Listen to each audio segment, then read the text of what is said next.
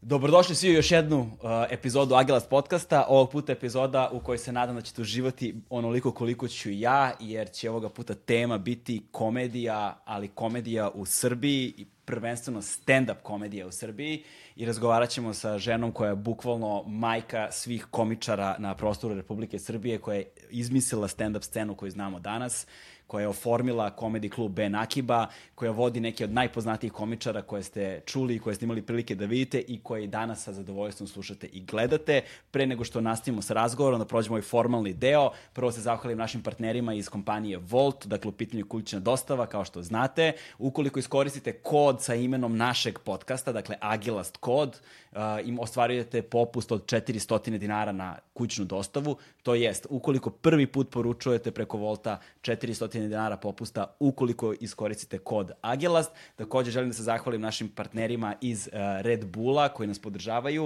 Uh, ti si rekla da hoćeš Red Bull. Može, može. Može. Ipak je rano ujutro. Uh, sa šećerom? Pa mislim šta mi preporučuješ, može Pa, i bez. Evo, ti izaberi. Daj mi sve Red Bullove, pa Daj da sve Red. Bull, ti izaberi koji hoćeš od ta dva. Ne znam da li želiš mene da slušaš na Red Bullu. Znam koliko si brza i ovako, pa vidjet Pa ćemo. to ti kažem. Um, kada smo se dogovarali uh, u vezi sa ovim podcastom, uh, razmišljao sam malo i bio sam u fazonu, svakakve sam atribute čuo uh, kada su ljudi opisivali tebe, Stvarno. posebno pre nego što sam te upoznao. Oh my Ovaj, God. Govorili, govorili su da si, da si zajebana, da si drska, da si bezobrazna, da si zla, da ovako, da onaka. Sve moguće atribute su upotrebili, samo niko nije upotrebio atribut uspešna. Znaš, i izgleda da ovaj, biti uspešan uh, u Srbiji... Znači biti zao. Znači biti za, znači biti uspešan u Srbiji je nešto što se vrlo slabo prašta s jedne strane, a s druge strane biti uspešna žena u Srbiji, posebno kada si u menadžerskim o, vodama i kada vodiš jednu kreativnu industriju i gomilu kreativnih ljudi sa sobom, gde moraš da hendluješ svačiji ego ovaj, preko svake mere, Uh, ima svoje posljedice očigledno u javnosti i onda kada sam se upoznao bio sam apsolutno oduševljen i evo već koliko godina se znamo i prijatelji smo Tako i je. vrlo si mi draga prijateljica i mogu da kažem da ni jedna od tih atributa nije utemeljen u A stvarnosti. zašto im pričaš? To ti treba da misle to. Kako da vodim posao, da misle sam dobra, si normalan. Ćuti i uživaj. Galebe, ovo seci, molim te. Da. Zajebana Ovaj, sam da počnemo odatle, ajde. Da, a, takođe, pošto uvek na početku podcasta pročitam odlomak ili neku kratku priču, a mora da bude crtica da bi imalo smisla da ne čitamo sada pola sata, um, gledam, gledam na to nekako ima veze sa podcastom u kojem govorimo i ovde smo došli do... Uh, ja nisam veliki ljubitelj uh, biografija, a još manje autobiografija. Autobiografija. Ali O- nije ni on, da ti ja kažem. Ima čitav uvod o tome kako je autobiografija totalno bez veze i kako je biografija tek bez veze, zato što suštinski svi lažu. Apsolutno Jer niko neće reći istinu, znaš. Tako da je Nuši zbog toga i dobro, zato što on bio ovaj, protiv laži. E, E, to mi se i dopada kod njega. Dakle, u pitanju je, kao što si sad pomenula, Branislav Nušić, a, s obzirom da je njegov a, pseudonim bio Ben Akiba i da vaš komedi klub nosi naziv Branislava Nušića i da Branislav Nušić se negde, je, negde zaista jeste ono otac savremene komedije u Srbiji.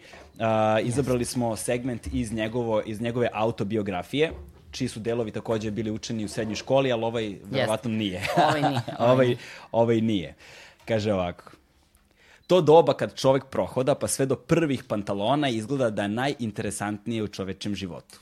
To je doba kada čovek nije ni muško, nije ni žensko. Te mu je naša gramatika velikodušno obezbedila pribežište u naročitome srednjem rodu, što su propustile učiniti gramatike mnogo većih kulturnijih naroda. Glavne odlike ovoga gramatičkog oblika su A. Imenice toga roda prilagođavaju se zamenici ono. B. Imenice toga roda, bez obzira na pol, sve nose suknjice. I V. Imenice toga roda nose obično takva neka budi bog s nama imena, da ni iz njih ne možeš saznati koja je od tih imenica muško, a koja je žensko. Takva su imena, na primjer, Dudu, Bibi, Lulu, Lili, Popo, Coco, Koko i tome podobna. Ne sjećam se kako su mene zvali dok sam bio u srednjem rodu, ali vam mogu reći da sam se u suknji neobično dobro osjećao i tako navikao da meni docnije u životu suknja nije mogla zbuniti.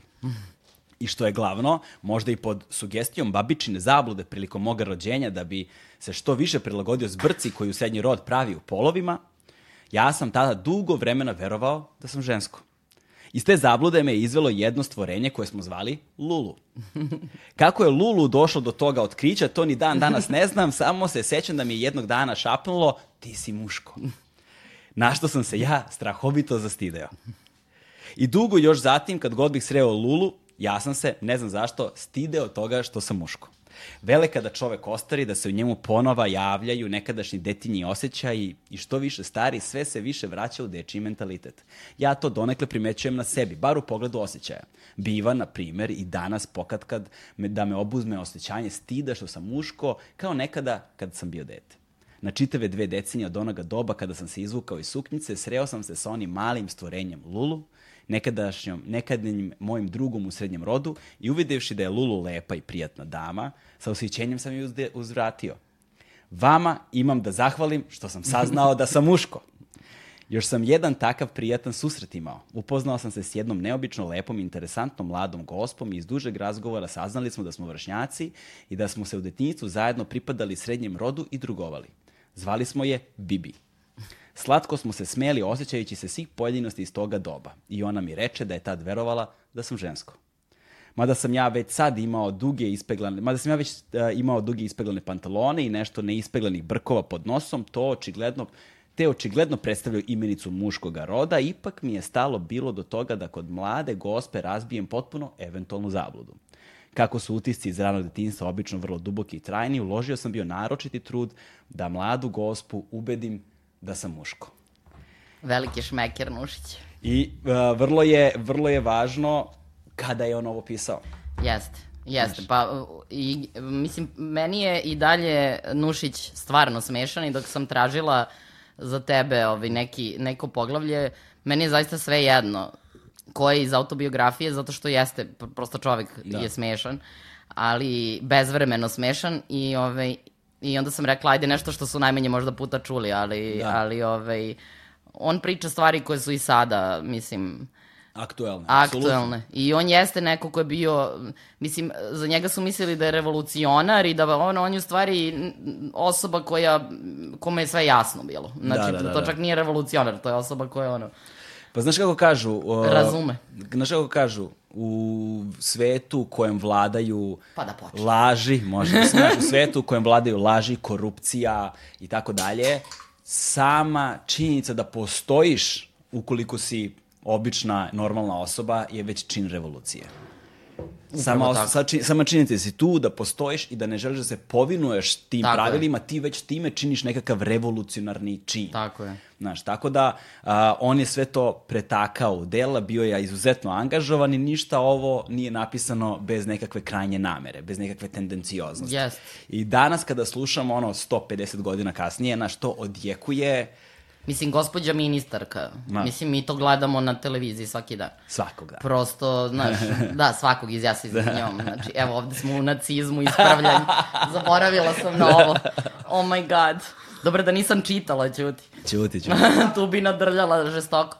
Ove, pa, da, definitivno, on je, on je ove osobine volao. On se zapravo ba bavio komedijom karaktera dosta i bavio se naravno i komedijom situacije. To su dve uh, vrste komedije koje su i dan danas eto i u stand-upu možda najzabavniji. Da. Zato što ti kada vidiš nečije osobine, ali ono do, onako krajnji, ono do sitnica kad odeš, ovaj, to mora biti smešno.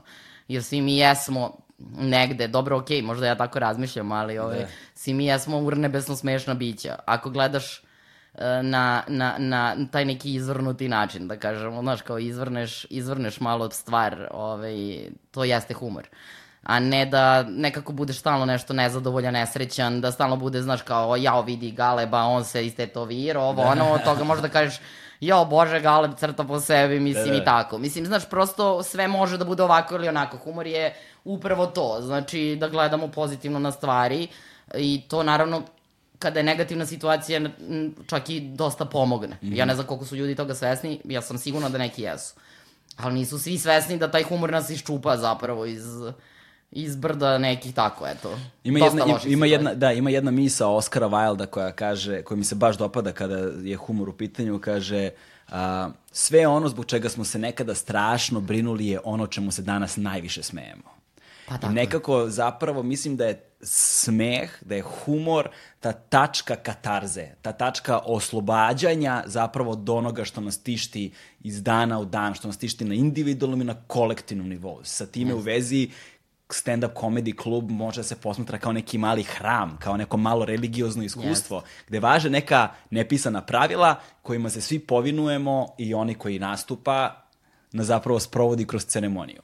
Pa jeste i terapijski proces. Pa da. Znači, terapijsko-verski. Ovaj, e, zato što, mm, to si, to si u pravu, mislim, to se, sećaš se kada smo pričali i ranije, ovaj, smisao za humor e, jeste, dolazi sa, sa, sa mesta koje nije veselo. Da. I, ove, i, i znaš, ono, u svakoj šali ima malo šale, ali samo malo šale. I, ove, i, I svako ko je duhovit, on je prošao neku situaciju koja, koju, koju nije baš svako prošao. I to je otprilike ovaj, glavno oružje bilo da, se, da, da opstane znači, nje, njemu, pa onda i nama, njoj ili nam. Da. Ove, a uh, stand-up komičari su taj kanal, znači između, znaš, oni su performeri koji treba da predstave taj humor zapravo na onaj način na koji oni ga, njega vide, ali i da dođe do nas. Znači, Da. oni su jako bitna, bitna spona, jer svi mi humor osjećamo. Video si sad za vreme korone, mislim, nikad veće fore nisu padale. Znači, Da. ja sam bila u fazonu ceo svet, znači, svi su komičari, ono, cela Srbija. Mislim, i ranije sam bila u fazonu da, da, da je da. cela Srbija i lekari su isto svi, da znaš. Ali, znači, komičari i lekari, to je to. Znači, svi imaju fore, sve fantastično i sve urnebesno, znaš.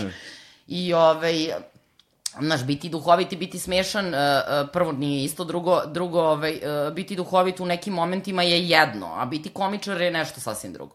Biti komičar je posao što mnogi ne shvataju zapravo, ni moji neki komičari ne shvataju, pozdravljam ih ovom prilikom. Ove, jednostavno, uh, to je način, kompletno način razmišljanja i zaista način života. Ne možeš ti da budeš komičar, mislim, i onda dođeš kući kao uh, mizogen si i ne znam, imaš problem, ne znam ti ja kakav, ovo ono, ne, ti moraš da budeš komičar i uvek. Da, da, da. Znači, moraš da budeš to. moraš da pronađeš taj način kako da zapravo uh, oslobodiš te elemente iz sebe, da pronalaziš neuralgične tačke u svom životu i u društvu da. i da znaš kako da barataš njima. Što je opasnija fora, bolje bi te bilo da ti delivery time bolji. Jer, znaš, jer kad se igraš na ivici, vrlo lako najebeš. Pa jeste, i Ivicu ne treba, kako da kažem, uh, fejkati, to Da. je prosto velika greška uh, u, u samo, sad, sad pričamo samo o stand-upu, nećemo Da, dalje da, o performansu generalno, znači, ali, znači, velika je greška da mi, da, da, da komičar ili neko ko želi da bude komičar misli da mi ne vidimo da to nije istina. Da, da. Znači, vrlo si ti ogoljen kad je komedija u pitanju, znači, mi vrlo dobro znamo da li ti pričaš istinu, znaš, i onda, obično kada hoće da kao uh, idu na edgy fore, da prelaze granice, onda idu na silu, ne možeš ti na silu ništa raditi.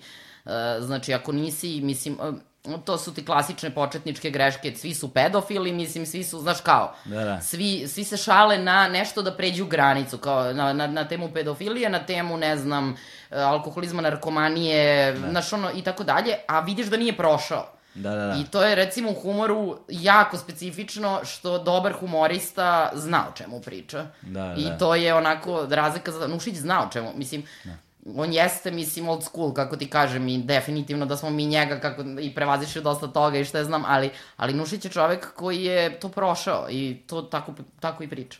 Da, Tako i Suštin, suština je tu i taj dark side je zapravo tu. Jeste. To je, znaš, postoji, postoji ta neka čudna privlačnost iracionalnog svakome od nas, znaš, svi imamo nekad potrebu ono da se skinemo goli i vrištimo na ulici, nemam pojma, znaš, ne, uvek imamo potrebu za nečim iracionalnim, mi negde pocenjujemo moć iracionalnog u sebi, a u ovakvima aspektima života, posebno kada je nastup, posebno kada je stand-up comedy nastup, posebno kada su recimo open mic večeri u pitanju, postoji nešto ono mazohističko u, u, i u nama i u gledaocima i onima koji nastupaju i postoji nešto strašno mračno čega te užasno strah, ali te istovremeno i privlači. Posledno Ja- kad gledaš nekoga ko je prvi put na sceni. Pazi, ja mogu da ti kažem da je meni open mic 15 open mic-ova smo do sada održali, najtraumatičnija stvar na svetu. Znači, ja posle open mic-a tri terapije ređam za redom i o, ranije sam i pivo i tako, sad više ne pijem, ali kako se zove, bila sam na ivici nerava svaki put, zato što uh, open mic uh, Uh, ti moraš da, da, tvoja velika obave, moja velika obaveza kao producenta je da, oseti ko je, da osetim ko je talenat za stand-up. A najveći talenti nekada budu najgori na, na open micu i to je mnogo teška jedna stvar. To nije uopšte, znači, lako. Znači, ja treba da kažem 20 ljudi se pojavi i ja treba da kažem tebi da nemoj da se baviš time jer si bio loš. A možda to uopšte nije u tom trenutku istina. Da. Često ljudi koji su izuzetno inteligentni i talentovani uh, uh, malo teže dolaze do samopouzdanja, zato što samopouzdanje ovaj, je često vezano čak i za malo neobrazovanost, neobaveštenost i tako. I onda sad dođe neko ko je izuzetno samopouzdan, razumeš, ovaj, Uh, i, i odradi strava open mic i ti ne možeš da dođeš i da kažeš ti ne valjaš. Mislim, kako ti kažem, znači čovek odradio posao, mislim, da. suludo je, znači, ali ti znaš da od toga nema ništa. Znači, to su strašne stvari, majke mi ti kažem, znači, a sa druge strane ti imaš, uh, recimo, lika koji je, znači, onesvešćen, znači, od straha, treme i svega, koji je, ko, koji je možda neviđeno pametan i neviđeno talentovan i tako dalje. I ti negde znaš da se u toj uh, bulumenti krije ta da. osoba, da, da. ali ona neće biti možda dobra na open micu. I dosta ljudi, recimo, su se vraćali na open mic kod nas. Zato ja uvek kažem, ajde vrati se ponovo, znaš, ne znam. Da, da. Ne mogu da, ne, drugo ja ne smem da kažem ljudima nisi, nisi duhovit, nisi tal, mislim to je, ne sme da se govori to, prosto da. možda si nekom drugom duhovit, možda meni nisi. Uh, uh, treće, znaš, ja mogu samo da kažem ovo nije stand-up forma, ovo nije, vrlo je uh, moj posao tu odgovoran i zato to delo je kao open mic hi hi hi, a zapravo ja tad najviše odlepim. Da. Jer ti kasnije kad već imaš sa kim da radiš, mada je stvar, sve vreme ti imaš ozbiljnu obavezu prema tim ljudima. Znači, ti, ne, ti moraš da meriš svoje reči, uh, oni izlaze na stage, njihov ego je lomljiv, ne možeš ti sada da dođeš i da razumeš uh, ono kao šta ti padne na pamet. sam skoro imala sa, sa ovaj, razgovor sa našom komičarkom Jelenom Radanović, ovaj, znaš je, Ove, ona nešto re... Pričale smo na temu baš kako, da, kako ja deliverujem svoje mišljenje, eto. Znači, da. bukvalno smo o tome pričali, o određenim nastupima, na primjer. Da li ti kažeš šta misliš stvarno ili da li ste srednje žalosno i tako dalje. I na što ja kažem, ona kaže, pa ti si kao Keva, znaš, to si sad rekao majka stand-up od toga, znači ono. Da.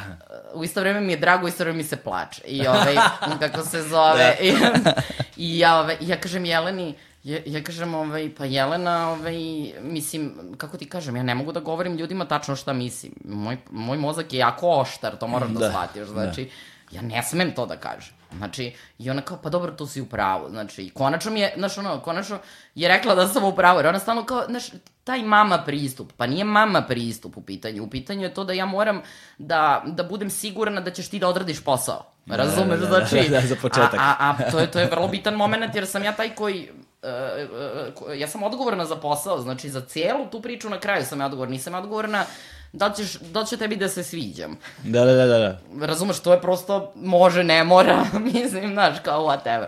Ali, ovaj, ali recimo da se odradi posao, to, to jesam odgovor. I stojim ne samo sobom i svojim, svojim rečiju, nego i potpisom nekim, razumeš? Da. I sad ti kao, znaš, i sad ja dođem i kažem, slušaj Galebe, mislim, znaš, da, da se razumemo, ti si totalno, znaš, na što to liči, mislim, to ne može. Tako da je to igra lud, ludačka, mm -hmm. gde moraš da kažeš šta misliš, moraš da paziš opet, znači da ne bi povredio nekoga, jer krhko je jako, bio si na stage i znaš. Da. Znači, to su prosto ogoljeni ljudi i moraš da imaš određeno poštovanje prema njima i ja mislim da ja zaista imam to poštovanje uh, i da je uh, uh, stand-up RS negde i opstao zbog toga, jer zaista nikada nisam uh, ponižavala i poništavala nečiji rad, da. kakav god daje. Da. Znači, jer ti doprinosiš ovako ili onako. Znači, ne moraš ti da budeš da, u datom trenutku najbolji komičar, ali tom talasu koji mi pravimo ti doprinosiš i ja to poštujem. Da. I oko toga se vrti cela priča, znači to je, da kažemo, igra živaca, u stvari, na kraju kad se sve sabere. Znaš kako, ovaj, na kraju dana ljudi koji to nisu probali ne mogu da ne. znaju i nemo, ne postoje reči kojima može da se objasni koliko je to zapravo zajebano. I onda na kraju krajeva svako ko je skupio muda da izađe na binu, to je veći respekt. Veći do neba. ozbiljan To je respekt. veći ozbiljan respekt. Respekt do neba. Šta god na toj bini uradio ili uradila. Šta god da se desilo to, koliko god da su talentovani, netalentovani, pametni ili glupi, to je potpuno nevažno. Skupio si hrabrost da izađeš na binu, uzmeš mikrofon u ruku i da ono 10, 20, 50, 100 ljudi koji sede ispred tebe. A da obično je 150 na open micu. Da, da, da, To je da. baš dosta. to je baš dosta. I postoji ogromna razlika između klubske atmosfere Yes. i scene I velikog ono, stage. velikog stage To je ono, nebo i zemlja. Veliki stage je, nije realna stvar. Pa evo, znači mi se bavimo show biznisom, da kažemo, aj nazvaćemo ga tako u Srbiji. Ajde, zasluži. Zaslužuje. Posle ovoliko godina A, zaslužuje. ajde, neka bude show biznis. Znači, bavi, mi se bavimo ovaj, stvaranjem mm, e, e, da kažem, te zvezdane prašine. Znači, ti moraš da ostaviš tu, e, ta, taj utisak e, da je neko zvezda kada radiš recimo velike eventove. To je normalno. Tako se rade mm, ti veliki prostori i tako dalje. Sad, ja volim naravno da to bude i, i vrlo poentirano i vo- volim da, to budu kvalitetni ljudi na tom stage-u, što se ne dešava uvek, to znaš. Da. da je često i neko koji ne zna da peva zvezda ili ne znam, nebitno. Znači, da. pravljenje zvezde je jedno, kvalitet je drugo. Da. Ono što uh, sam ja htela da spojim su te dve stvari. Znači, ja sam nekako htela da mi imamo taj mainstream, znači, Ne. gde ti znaš da budeš duhovit, gde si dobar komičar, a i zvezda si. Da, da. Znači, ajmo da imamo malo neke druge zvezde. Ne moraju da budu Zdravko Čolić i razumeš u tom smislu, uh, zato što je muzika ipak nešto drugo odnosu na stand-up, ali mogu da budu neke zvezdice, znači da budu neke ličnosti koje nešto znače u javnosti, a nisu korumpirani, nisu, znaš, stand-up komičar ne može da bude u politici. Znači, on nije stand-up komičar, to je kraj. Znači, Da. razumeš? Makar ne može u mojoj organizaciji. Mislim, pazi, dočekat ćemo i to da se razumemo, ali, znaš, jednostavno, znači, stand-up i, i politika, ne. Znači, stand-up i, i, i laganje, varanje ne ide. Znači, da bi bio dobar komičar, ti moraš da budeš iskren sa sobom. I onda si i sa drugima i negde ja sam tela brendiram to. Ajde da budeš to što jesi, jer stand- stand-up jeste to što ti jesi, znači ne pričaš tuđu priču, tuđi dramski tekst i tako dalje. Znači, ti izlaziš sa svojim tekstom, sa svojim iskustvom, sa svojim telom i sam si. Da. Znači, ajmo da probamo od tih ljudi koji su možda i outcasti, možda su i odbačeni, možda nisu, razumeš, da. jednostavno, možda su stidljivi. Da. Pazi, komičari su svi stidljivi, da se razumem. Ja volim da radim stand-up između ostalog, zato što uh, stand-up komičari imaju neverovatnu dozu stidljivosti i egocentrizma zajedno ovako Da. i ti suštinski radiš sa decom. pa da. Ti u stvari Ergo- držiš obdanište na... Ergo majka. Ili Majke mi ti kažem, znači, pa ne, ne možeš da... Ve... Nekad si psihijatar, ima Da, da, tu da. svega, znaš, zavisi kuvarica, isto okej, ono. Da. Kad si na nekom gostovanju, pa ono, brže bolje. Ali, hoću ti kažem, znači, jednostavno, e, volim taj neki infantilni ego koji ostane kod komičara. On je s jedne strane otvoren, pun, e, znači prihvata izazove, ide dalje i tako dalje, sa 100 godina on i dalje dete, razumeš, Da. što je meni divno. Nušić je bio takav, svi komičari su, ostaju deca, to je suština. Međutim, naravno, tu me da bude, ima svoju mračnu stranu, naravno, kao i, razumeš, svako infantilno biće, jer prosto, znaš, ti sad kao, razumeš, A takvi kakvi su se nagomilali grešaka u životu, verovatno, i navukli ko zna kakve traume. I onda to sve, kako se zove, sad sam I to sve zaboravio. pukne nama pred očima Da. u našoj kancelariji, Kako- a kako mi se- ono ni krivi ni dužni sedimo i kao, o, mi ovde vodimo posao, sve će da bude To, pokušavam da se setim, pokušavam da se setim, ja sad ubiću se, uh, kako se zove komičarka iz Ljubljane, iz Slovenije? Martina iz Mar- Ma- Ma- Maribora. E, tako je, Martina iz, Mari... Martinić. e, Martina iz Maribora, sećam se, jednom prilikom smo razgovarali i ona je rekla, kaže, šta je stand-up za nju? Kaže, stand-up je kada treba stvari koje ne smeš da govoriš psihijatru, da izgovoriš na bi, Nepoznatim. nepo, potpuno nepoznatim ljudima i da očekuješ da se za uzvrat smeju. Znaš, to je, tako da ima tu ogromne doze istine. I neko je jednom prilikom rekao, pa znaš kako, stand-up da bi bio smešan mora prosto da bude smešan. Znaš, tako, Da. znaš, ne možeš da glumiš Jest, s humor. jest. Hu- humor Stvarno ne mo- jest. Da, humor ne može se odglumi. To je recimo najveća greša koju vidiš kod glumaca koji, Koji hoće da rade stand-up. koji hoće da pređu na stand-up. To što Oni si... se potpuno pogube. Da. Oni jadni, e, mislim, ja razumem to. Mislim, meni, oni su navikli po jednom modelu da rade, mislim. To je kao da mene sad prebaciš i kažeš, aj sad zaboravi da si ikad se bavila produkcijom. Da. I kao, ajde sada počni da nešto tamo sad. Ali ja ću uvek pristupati i iz ovog dela što sam naučila o produkciji, moraš da ubaciš i to. Da, da. Kao što si ti, mislim, Znaš, ti si u medijima 100 godina, ti nekad znaš da smo se zezali, ti nekad sa mnom pričaš, razumeš, da. ko na intervju, ja sam u fazonu, znaš, kao, otprilike, znaš, galebe, rrrr, znaš, kao da ti ja ispričam i onda novinarski, Da, da. onako, a ja kao, ali mi sedimo na kafi, kao, znaš. Iskuliraj o- se, kao. Hoćeš se, znaš, kao, će li se smiriti ova situacija napeta, znaš, ali to je normalno, znaš, Da. ja sam recimo isto dugo pričala, um, recimo stalno o pozorištu i o stand-upu. Ja sam pre stand-upa radila u pozorištu i dugo sam već ja, znači dugo, dugo provodim vreme, da kažem, u tom live-u, ono, ka, ono u, tom, toj živoj priči. Mhm. I, ove, I onda kad uđeš u taj rečnik i sve ti potpuno odlepiš ti u jednom momentu, znači ono, tako da ja glumce razumem. Oni ne mogu da izađu i da budu sad odjednom to što jesu. Da. Kad i ceo život uče da tumače to što nisu, ali imaju nešto u sebi unutra, pa znaš kako ide sa, Da, da, da, sa da. glumom, znaš, vrlo je komplikovan. Zato recimo Sandra, Sandra Silađev, naša komičarka, ona je jednostavno i glumica, mislim, ona je stvarno incident. Da. Ona je generalno incident, zato što je potpuno onako originalna i tako dalje, ali recimo to što ona iz glume uspela da se izbatrga i da uđe u stand-up i da zadrži od glume ono lepo, mm -hmm. uh, improv, sla, snalaženje na, na stage-u, uh, samopouzdanje, mislim, znaš, jer ovi ljudi koji nisu stali na stage, oni možda imaju najbolji tekst na svetu. Ali oni dok nauče delivery da rade, znači, ko živ, ko mrtav. Da, da, da, da, to je stvarno, to je pokolj. Mislim, to je pokolj, jer ti znaš da on ima divan tekst i Da. preduhovit je, razumeš, Da, da. ali čovek ide i jednostavno trese se, popije 60 piva, ti ga skidaš sa scene, znači ono, znaš, baš je zeznuto, je To užasno. je, to je, to je iskrcavanje na Normandiju, ono, Pa to, to je svi stra... su pokip. Ja sam izašla za vreme stand-up festa sa devetog, ove, prošle godine, e, nekoronske, ovaj, kako se zove, sam izašla da najavi, da uh, zapravo otvorim uh, uh, veče, uh, uh, m, bila promocija knjige Sandrine Feminizam za početnike. Aha, da, znam I mi smo se dogovorili, gde sam ja rekla, u sred festivala totalno raščarupana i, i, i pod stresom, da ja kao otvorim, jer je to kao ima smisla sve, ja žena držim e, organizaciju, pa feminizam za početnike, pa e, d- dolaze go, gošće, znaš ono sve je pod kontrolom, samo da ja kao izađem i da, da kao samo kažem ko smo, šta smo, otkud to i tako dalje. Ja izađem i šlogiram se na stage-u, jer ja nisam stage persona. Da, da. Znači ja izađem, ja jedan na jedan sam super, ali na stage-u, ja kad sam bila one žene, one sve gledaju onako sa, sa noteščićima, znaš, da one sad slušaju o feminizmu, a ja ovako rekao, rekao, ovo nije za mene, ljudi, ja, evo, Sandre, ko, ona će, znaš, ono, u fazonu, totalno sam bila u fazonu, i, znaš, samo sam si išla kao, "M, majko mila, znači, jer one očekuju od tebe nešto. Znaš, tako da komičari moraju imati jednu ozbiljnu onako dijagnozu da ti recimo iz ne znam, ono, tako, studiranja, recimo, filozofije, imamo Rašu Da. i tako. Imamo razne sa filozofskog fakulteta, mnogo vole da filozofiraju. I, Filozofi, istoričari, ovaj, sociolozi. Istoričari, sociolozi, to nam je ono. Da.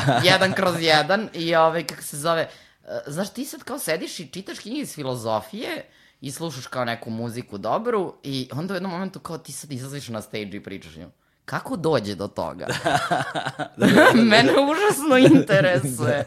Mislim, jel je, ja tebi je mislim- realno to? Znaš, znači, ja- kako je izašao on na kraju? Ja, ja iskreno mislim da je to zapravo uvek negde čučalo. Pa da. Znaš, i da nekako Znaš, sama činjenica da studiraju to što studiraju ili da se interesuju za neke druge stvari u životu su možda simptomi koji pokazuju jednu vrstu... Dijagnoze. Pa ne, jednu, ja lepo kažem. ne, ne, ne, jednu vrstu... Simptomi dijagnoze. Jednu vrstu radoznalosti duha, jednu vrstu znatiželje. Nazvaćemo to Znaš, tako. tako, na, znatiželje, jer postoji još jedna stvar u stand-upu, ti moraš da razumeš stvar o kojoj govoriš, ti moraš da razumeš njenu problematiku, ti moraš da razumeš njenu strukturu, ti moraš da razumeš njenu suštinu, ti mo, je. moraš da možeš u svakom trenutku da je dekonstruišeš na njene sastavne delove. To znači da moraš da imaš jednu vrstu analitičkog uma.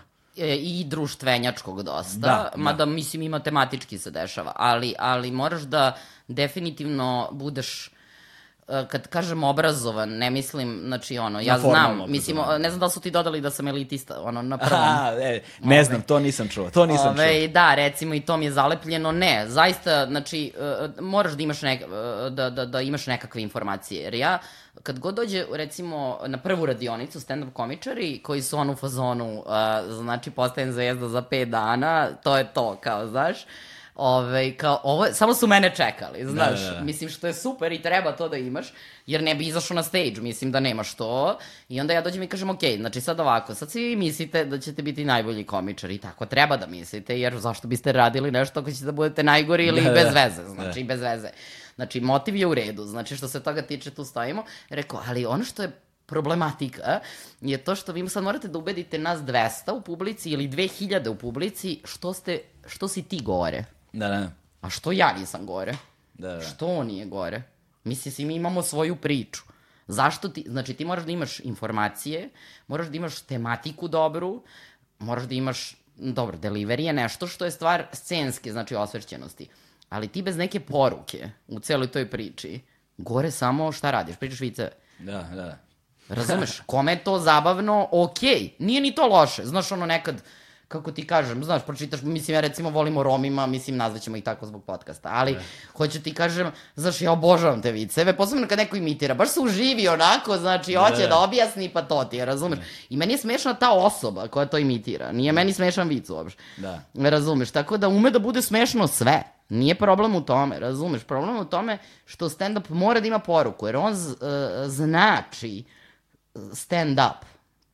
Znači, ne znači ja sam došao da budem smešan, nego znači ustani i reci šta imaš, iako možda gomila ljudi to ne sme da kaže, ti moraš da kažeš i da budeš smešan da te ne bi ubili, kao što je rekao Steve Martin. Da, da, da, da. Znači, budi smešan, bolje bi ti bilo. Ako ne želiš da najebeš... Ako ne želiš da pogineš, znači smeh. I to je uh, oružje koje je korišćeno od davnina iz tog razloga što tebi kad neko dođe harizmatičan i nasmejan i je ti sve po spisku, ti ćeš da kažeš, jo bože, sašta zamisli ludaka ovo ono, razumeš? Ali ako dođe nadrandan s pištoljem, mislim, kreće rat. Da, da, da, da. E, to je uh, stvar istine u stand-upu i stvar istine u, u humoru i, i uopšte, znači, e, to je ono što novi ljudi uh, koji žele da, da, to da rade treba da znaju, to je odgovornost koju moraš da nosiš. Ne možeš da se baviš time samo zato što ćeš da budeš na, ste, na sceni, Da, da. Ali ja isto razumem tu nasušnu potrebu. Ja zaista razumem. Nasušna, ču sumnjam da je nasušna, ali Pa ajde. nasušne, pazi. Znači, ja razumem da ti hoćeš da smuvaš ribe. Mislim, znaš, sve mi je Da, da, da, jasno. da. Ja, ja stvarno, znači, sam keva, mislim, očigledno. Ovaj, tim komičarima. Mislim, ja razumem sve. I da ti hoćeš da budeš poznat, i da hoćeš da se afirmišeš, i da uh, jedna devojčica bar da te vidi kako si go... Mislim, sve mi je jasno, razumeš? Da. Ali, brate mili, znači, ovo je ozbiljna priča. Da. I kada dođemo do te tačke, tu se uglavnom rastajemo. Da, da. I sad postoji još jedna stavka, pošto smo mi negde društvo koje je u povoju, iako, dakle, razlog prvenstveno zašto si ovde je zato što je stand-up RS proslavio 10 godina Yes. postojanja, Aplauz. tako da da, čestitamo srećan rođendan. Ovaj, I pričat I ćemo sa... festival nam je deseto, Des- de, deseti po redu u oktobru, E. sad ako korona ne zaustavi normalno. Tako da, tako da i ući ćemo u tu priču da ispričamo ceo taj razvojni put kako je to izgledalo, jer to sigurno ne bilo jednostavno počinjati bilo šta novo, posebno na našim prostorima, bilo gde na svetu je ono posebna vrsta agonije um, i posebna vrsta istrajnosti, negde juneće upornosti je potrebno da bi se isterale stvari do kraja i verovati u sebe i u svoj proizvod i kada je ceo Da. svet okrenut protiv tebe, što si ti zapravo uspela da izneseš na svojim leđima i to je možda ono, tvoja najveća zasluga, stvar koju niko ne može da ti oduzme šta god da se desi sutra Da. u životu. E, ali postoji kod nas to, jer pošto nemamo razvijenu kulturu stand-upa, prosto ona je u povoju, mnogo je bolja nego što je bila ranije, pošto ranije Naravno. nije bilo uopšte, sad je negde donekle ima, ima nas nekolicina koji smo kao to ljubitelji komedije i dajemo otvorene šanse ljudima koji se isprobavaju možda prvi put i tako dalje i organizacijama koje pokušavaju nešto da razviju, ali u suštini veliki broj publike posebno ove najšire, najkomercijalnije, kada su komičari poput Srđana Dinčića i Da. slično, koji privlače taj najširi sloj ljudi, dođu, sednu skrštenih ruku i u fazonu su, ajde da vidim kako, da, da me nasmeješ. Da vidim da li si sveši od mene. Znaš, da li vidim da li si smešao od mene, ajde da vidim da me nasmeješ, ili su u fazonu, ne želim da me nasmeješ. Znaš, on dole, Da. znači, ljudi imaju vrlo često kada nekoga ne poznaju i nemaju poverenja prema toj osobi, negativan stav koji ti kad izađeš na scenu moraš prvo to da razbiješ. A sad sa svim tim problemom samopouzdanja, to je ozbiljan, ozbiljan zadatak. Pa znaš šta, uh, ja sam ubeđena da mi koji smo započeli celu tu priču u Srbiji, mi smo imali najviše prepreka. Znači, niko nije imao prepreka ko mi. Ali, uh, poenta jeste u tome da uh, u, u nama svima leži jedan, uh, onako, jedan borbeni tip, razumeš, ovaj, ili riba, ili tip ne. riba, nebitno, ovaj, koji, uh, koji spavaju zapravo. Znači, nas uh, problemi trigeruju da ih rešavamo. Da. Tamo ili vamo, ali moraš da, znači ti, ako imaš neku prepreku, ti ćeš gledati da je pređeš. Uh, meni, kao meni, znači ako mene lično pitaš, su prepreke fascinacija. Znači, ja obožavam da imam prepreke i ne podnosim da imam rutinu. I ne podnosim da ide sve po loju i ne želim da me poštuješ i da me ljubiš guzicu. Super mi je kad me ne poštuješ, Da, da. zato što onda ja imam priču koju treba da ti pokažem, znači. Da. Jer ja nemam nikakvu inspiraciju ako ti dođeš i kažeš ja ona, znaš, mislim, ona to je onda završeno, što bi se reklo. Da, da. Ne, nije, znači, znači, hoću izazov, to me drži živom, uh, razumeš. Komičari isto mislim da tako razmišljaju, ali mislim da to nisu skroz osvestili. Da. Ali ti recimo možeš da imaš loš nastup. Ti posle tog lošeg nastupa moraš ponovo da izađeš. Znači, to je, e, razumeš, vrlo zajebana situacija. znaš, ono kao, gde sam šta? Ovaj, Znam. da, znači, znaš i sam, znači, Da. ti možeš da izađeš i da fejlaš totalno ali da toliko fejlaš da čak ne moramo mi da ti kažemo, nego znaš, ono, samo I da, to- i da to fejlaš znam. i da svi gledamo, i da svi gledamo u ono, ovaj, da li kit neki ili šta god. Da, da, da, da. E, znači ono kao, da, da, da, kao, jel ima da, ništa, ja ću kafu, znaš. E, može takav fail da bude i da ti ponovo izađeš. Šta ćemo onda, razumeš? Borac. To je poenta. Ti se, znači to da si stiljiv, to je osobina. To je stečena osobina, razumeš? Ali u svima nama realno postoji taj, kao, ajde da vidim da li mogu, znaš. I ovaj, mi koji smo prvi dizali celu priču, uh, ja da sam znala šta me sve čeka, ne bi to radila. To je prvo i osnovno. Znači, zato što sam ja imala 280 nervnih slomova koji nisu klinički potvrđeni, jer nisam otišla da proverim, razumeš? Ali ja sam sigurna da su to bili nervni slomovi Da, da. i niko me neće ubediti da nije. Znači, to su stvarno ozbiljne borbe. Znači, ja sam, okej, t- evo da ti počnem recimo od početka ovaj, uh, vezano za sam start. Znači, mi kad smo krenuli, Kada je to bilo? Mislim, Ovaj, pa gledaj, znači, uh, uh, ja sam seminarski rad radila, open, open mic mi se zvao seminarski rad na, na, na fakultetu. Koje to godine je bilo? nije- To je bilo 2000, recimo. I ja sam bila potpuno nesvesna svega u životu. Osim toga i stand-upa, znači, ali sam bila nesvesna pozorišta, stand-upa, konkursa, performera kao takvih, ja ću to tek kasnije skapirati šta se tu dešava, znači ja sam i dalje debila, ajde da kažemo tako, iako je to kao navodno uvredljivo. E, i ovaj, kako se zove, ja organizujem taj kao za seminarski open mic, tu učestvuje cela moja ekipica sa faksa, mi dramimo, tu nešto levo desno, imamo i plakate, imamo čak i sponzore, rakiju, svi se odalamljujemo na pola open mic-a, koji se ošte ni ne održi na kraju, normalno, razumeš, de, uh, kako se zove, ja shvatim da ništa ne može tako da se radi, ko što sam ja zamislila. Znači, kako sam ja mislila, ne, neće Da. ići. Umeđu vremenu, ovaj, ja počinjem da radim kao organizator, pa i pa posle i producent u Bitev teatru i počinjem da organizujem predstave koje su potpuno, znači, uh, uh, uh, moderne su uglavnom, kao što znaš šta, šta Bitev radi uh, i, i u tom smislu tog nekog izraza su približne stand-upu, znači uh, samo zato što su, je mo, moderno u pitanju, ali ovo sve ostalo je potpuno drugačije, znači tamo su ekipe glumaca, reditelji, uh, scenografi, kostimografi i tako dalje, znači u stand-upu toga ničega nema, ali negde mi je drago da sam bila u takvoj vrs- vrsti pozorišta jer je i Bitev imao taj neki svoj haos, Uh, zato što je, uh, razumeš, negde uvek uh, radio te moderne stvari, nove tendencije i tako dalje. Ovaj, takođe mi je mnogo drago što sam sedela s Jovanom Ćirilovim u kancelariji, to moram da spomenem, zato što mi je to bio, ovaj, to je čovek koji je mene najviše zaista naučio organizaciju u verovatno 20 rečenica. Znači, to se tako radi. Mislim, ja sam bila u fazonu, ja želim ovo da budem kad porastem. Mislim, možda ne moram u ovom životu, u sledećem, razumeš? Da, da, da. Ali to je čovek koji je Znaš, imao izjave poput Milice, znači, kad je timski, budi timski igrač, nemoj sve se, sebi na leđa, znači, ono, izmakni ja, budi mi, on je mene učio te neke od početka stvari, I ovaj, rekao mi je kao, gledaj, gledaj širu sliku i pazi na detalje, mislim, znaš, to, to, to jeste organizacija. Znači, ti moraš da vidiš, ti, tvoja šira slika mora bude koja je poruka, šta radiš, a poruka je ta, a paziš na detalje, jer ako ja danas, ako ja propagiram stand-up, kao takav, reklamiram ga, promovišem ga, ja ne mogu da se učlanim u SNS. Da, da. Znači, sve je bitno. Ne mogu čak ni da sedim sa njim. Jel shvataš? Da. mi se ne razumemo. Tačka, kraj. Znači, to je... e, Ne, ne sam, ja ni sa kim ne bi sedala od ovih, svi ovi. Da. Nema šta da sedim sa tobom. Ti i ja se ne razumemo.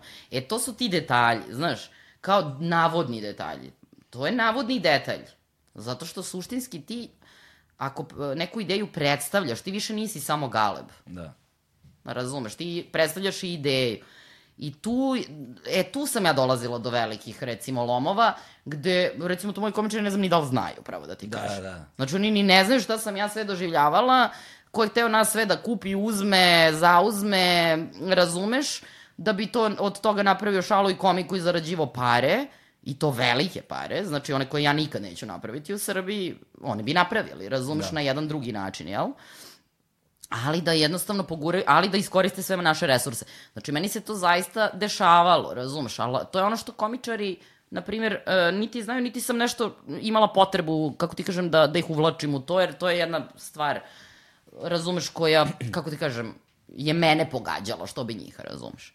I tako. Ali, ovaj, to je to, to je to neka početak, e, znači, bitev, uh, svi ti ljudi u Bitefu, pa onda naravno moj Rage Against the Machine stav gde ja ne podnosim apsolutno nijednu instituciju i onda shvatim ovaj, da ja ako u Bitefu ne mogu da se snađem, ono, da opstanem, razumeš, koji je ipak, kako ti kažem, umetnost za sve ostalo, Da.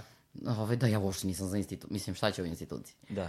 Razumeš? Jer je- nije da sam ja sad kao u marketinškoj agenciji pa mi kao tesno, znaš, nego je meni tesno u pozorištu gde su svi ludi. Da. Razumeš? I meni je tesno. Da, da, da. Znači nešto tu razumeš. Nešto tu I- ne štima. Ne štima. I onda, I onda je bilo to kao, ovaj, počela sam uh, sa stand-upom, još uvijek sam radila u Vitefu. I, ovaj, i, onda, uh, I onda to polagano krenulo i onda je bio taj jedan sudbonosni, sud- sudbonosni poziv iz Slovenije od strane Slavka Škvarca. Znam da će mu biti drago ovaj, da čuje ovaj, kako se zove da ga spominjam. On je pozvao i pitao me E, slučajno sam se javila na telefon i to od sekretarice u Bitefu, slučajno, znači potpuna slučajnost i ovaj i Slove, Slovenac mi kaže pre, e, kaže jel vi imate stand upa u Srbiji? I ja kažem, nemamo, ali ćemo da ga imamo. Znaš, tako je nekako počela ta priča, zato što je on ovaj, radio festival Lent uh, u Mariboru, koji je gradski festival, i imao stage stand-up komedije. I bio u fazonu, hoću SFRJ, ja sam Tito, znaš. Da, da. I ja kažem, mislim, ono, znaš, okej. Bilo je tu Slovenaca i Hrvata i tako, oni su ipak Evropa, znaš. Imali su oni stand-up malo pre nas. I, ove, I ja sam, kažem ti, već radila taj open mic, već sam se zanimala u veliko za celu tu gužvu, međutim, nemam pojma ni odakle da krenem, ni šta da radim. Znači, bukvalno mi treba taj Da, da, da. jedan, kako ti kažem, trigger koji će da pukne i da kažem, e, sad ćemo da radimo, znaš. I, ovaj, I on kad je pitao kao, jel vi imate u Srbiji, ja rekao, nemamo, ali ćemo da ga imamo.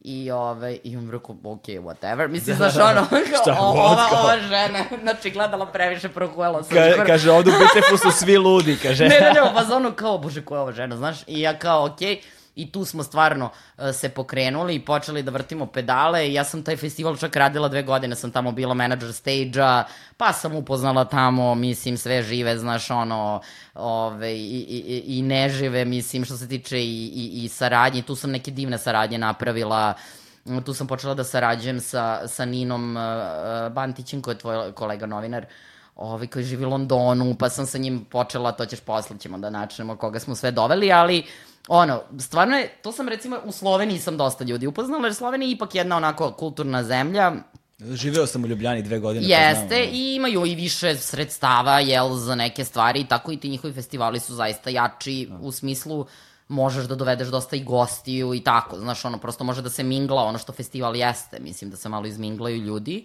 Ove, a to, nažalost, kod nas stalno, uh, odus, uh, mi, mi, mi stalno uh, napravimo mi festival i sve, ali nemamo taj deo jedan gde dođu, razumeš, gde Da. ceo svet dođe, a to je taj fond koji mi nikad nemamo, a to su gosti koji su jako važni, recimo, znaš. Da. E, tako sam ja, recimo, upoznala brdo ljudi, jer su oni dolazili samo da budu gosti. Pa da, to je fora zapravo da... To je svi- festival, svi, mislim. svi ti festivali u suštini bi trebalo prvenstveno da budu platforma za umrežavanje, Tako upoznavanje. je. da Uopšte se, ne radi o nastup. Mislim, Da. svi kao festival, znaš, i kao 15 minuta nastupam. Znači, čekaj, znači, to su recimo performe. Onda imaš ovo, ove ljude koji kupuju karte i tako, ali mislim da ne kapiraju da treba bukvalno sa svih strana sveta da dođu ljudi koji se bave recimo stand-upom i da ja imam kao organizator novac da im kupim karte, na primjer. Da. Makar to. Da. I razumeš, ili da, razumeš, imamo Airbnb, nebitno je. Ali da ja imam one osnovne neke da sad ne, znaš, ne mogu ja tebe da zovem i da kažem, a jel možda potrošiš 2000 evra da dođeš u Srbiju, mislim. Da, ne može. Nema smisla, razumeš, ali recimo ako se ti baviš time i živiš u Americi, doći ćeš ako ja kažem zvanično, ovaj, dobit ćete kartu, dobit ćete smeštaj, dođite da se družimo, da pričamo, posebno drugačije- seminari i tako dalje, znaš. Da, posebno drugačija stvar u Americi jer je tamo stecište, tamo se rodio stand-up. Tako je. tamo Oni je... nama trebaju. Da, mislim. da, da. Ne možemo da ih baš... Sr- Mislim, mi ćemo da kupimo kartu za Da, da, da, Ameriku da, i da. za London, ali oni neće, znaš. Dakle, To. da jeste, to je tako prosto. Ali recimo Slovenija meni tu pomogla, jer sam ja, taj festival stvarno je bilo lepo i, ovaj, i, i to je bilo 15 dana je trajao svaki dan stand-up. Kada je to bilo, koje godine? To je bilo 2010. 11. 12. tako nešto. Ili godine za 11. 12. Tako. 12. je bila, znam, Maribor grad, uh, uh, europska prestolnica kulture je bila. Ovaj, znači, znam da sam tad radila sigurno, znači 2011. pre toga i tako. Tu. Da, znači, da. a ja sam počela 2009. sve da rolam. Znači, kako si, kako brzo. si zapravo počela, kao ko je bio prvi stand-up nastup, prvi komičar, poznat, nepoznat, nije važno, ali št, št, ko je bio, ko je bio prvi stand-up nastup ono, u, U Beogradu- Srbiji. u Srbiji organizovan, kao da, da kažemo da je tehnički, pravno, formalno bio stand-up. Pra, pravno formalno Srđan Jovanović u Bitefu, jer sam ja tad radila u Bitefu. Mhm. Tako da smo mi u Bitefu uradili to. Uh, grupna terapija mu se zvao nastup i sa time smo otišli kasnije u Sloveniju i on je zapravo čovjek koga ja kad sam upoznala sam pomislila, bože, ovaj čovjek može da bude stand-up komičar. Da. Zato što on jeste ovaj, e, pokazivao sve znakove, ovaj, ali, ali ovaj, zaista je e, imao taj neki humor, onako malo mm, e, i prljaviji i tako dalje, a glumac je inače. I ovaj, tako da sam ja njemu, on je čak u tom stand-upu i ima deo gde ja njega maltretiram da on napiše ovaj stand-up, ovaj, zato me možda i mrze, svi on je kriv. Ovaj, šta se dala kažem, ali ja sam bukvalno njemu rekla, ej, imamo zakaz za nastup u, u Mariboru, ali bukvalno, znači, normalno, da li želiš je prvo pitanje, ali i to je pravno formalno. Da, da, da. Znaš, kao, ono, da li želiš da idemo, znaš, ono, idemo, znači, i, ovaj, i bilo je kao, znaš, ništa nastupa, šta da i tada i tako idemo, oda smo mi u Maribor, levo desno, i on, kao, šta će čovek, normalno će skoči bombu, mislim, završena Da. priča, on hoće stand-up, vrti se tu, Slovenija se uključila, znači, moramo gađemo. Da, da. I, ovaj, I onda smo gađali i ja sam i dalje bila u Bitefu, ja mislim da sam ja još godinu dana bila u Bitefu posle toga i ovaj, kada sam izašla odatle, ovaj, onda sam, ja mislim, posle mesec dana osnovala stand-up.rs. Znači, mislim da sam mesec dana kao bila, odmarala sam od ne znam čega. I, ovaj, Ali i kako se, kako se je to. zapravo osnuje stand-up GRS, odnosno stand-up ono, trupa ili, pošto u tom trenutku još uvijek nemate ni svoj klub i Ništa um, a, a da nemaš komičare. Kako si nalazila komičare zapravo? Tako što si lud. ovaj, kako se zove? Pa znaš kako, ja sam ovaj, bila tad na gajbi kod Keve moje. Ove, I baš je bilo smešno, pošto nisam imala posla i nisam iznajmljivala gajbu. Ove, I onda sam sedela u svojoj sobi, nazvaćemo je moja soba, Ove, pošto imam 150 godina, već šalim se, nemam, imam 27. I ovaj, kako se, znaš, kao moja soba. da, da, da, da. Ovaj, e, i kako se zove, i sedim i sećam se, moja pokojna majka kuva nešto, razumeš, i, i, ovaj, i čuje neku, da ja pričam u sobi e, nešto mi ovo, mi ono. I otvara vrata i gleda ko smo mi, razumeš, ja sedim u pidžami za laptopom i telefoniram. I završavam razgovor i ona kaže, Milice, ko ste vi? Znači, u fazonu odlepila sam, razumeš? Ja, ja kažem, ćuti, ja sad telefoniram, hoću da završavam neke stvari, moraju da misle da nas je mnogo. Da, da, da, da, da. A ja sam zapravo bila totalno sama, ali sam bila u fazonu, ne mogu ja da zovem i da kažem ja sam Milica i mislim hoću, znaš, Da. mi, naš tim, naša ekipa. I to je krenulo prvo tako. E, i onda, ovaj, I onda je prvi open mic bio. Znači, prvo je Srđan Jovanović radio, sa njim sam radila neko vreme, ja sam radila i dalje u Bitefu i tako to je se paralelno bilo. I onda sam ovaj, bilo u fazonu, ok, šta nam trebaju? Pod A, komičari. Da. Pod B, promocija. Pod C, neko mesto za koje će nas vezati ljudi ne bili napravili što bolju promociju. Da, da, da. I pod C, festival. Da. Znači, to je ono što mora da se uradi. Pod jedan, da ne bi neko drugi uradio. Ove, nije to pod jedan, ali tu je. Da. Ove, kako se zove, moraš da brendiraš. Znači, brendiranje je, ono, e, sam shvatila, e, još, ono, kao i u Bitefu i ranije, otprilike kako funkcioniše. Stojiš iza svog projekta 200 na sat i radiš sve, znači daješ sve od sebe. Znači, u svakom smislu te reči. Znači, to da li ti znaš u tom trenutku ili ćeš naučiti, to je sad već e, razumeš. Ali e, Otvorenost interpretacije. Tako je, i improvizacije, ali mi smo zemlja improvizacije. Ali, ovaj, ali jednostavno, znači, znaš da moraš da guraš do kraja. Znači, nema ono, joj, da li bi ja, ne, znači, ne.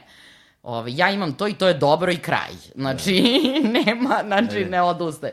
I onda je to bilo, u suštini, ovaj, sa open micom prvim je krenulo, ovaj, uh, uh, u KC gradu je bio prvi open mic, ja sam prvo nešto bila tipa na B92 tadašnjem učenom i još par nekih. Čekaj sekund, Ove- je to, je to onaj open mic kada je Vikler bio? Jeste. Jo, Isus. Jeste. E, da, da, da, evo svi znaju. E, ali kako se zove, fantazija od open mic-a bio. Ne, ali znaš šta je najbolje? Meni, ja sam tad shvatila ja mogu da radim ovaj posao. Ali, ovaj, znaš zašto? Zato što mene on uopšte nije iznervirao. On je izvređao sve ljude, ponašao se bahato, napio se, znaš, on mene uopšte, mene to nije pogodilo uopšte.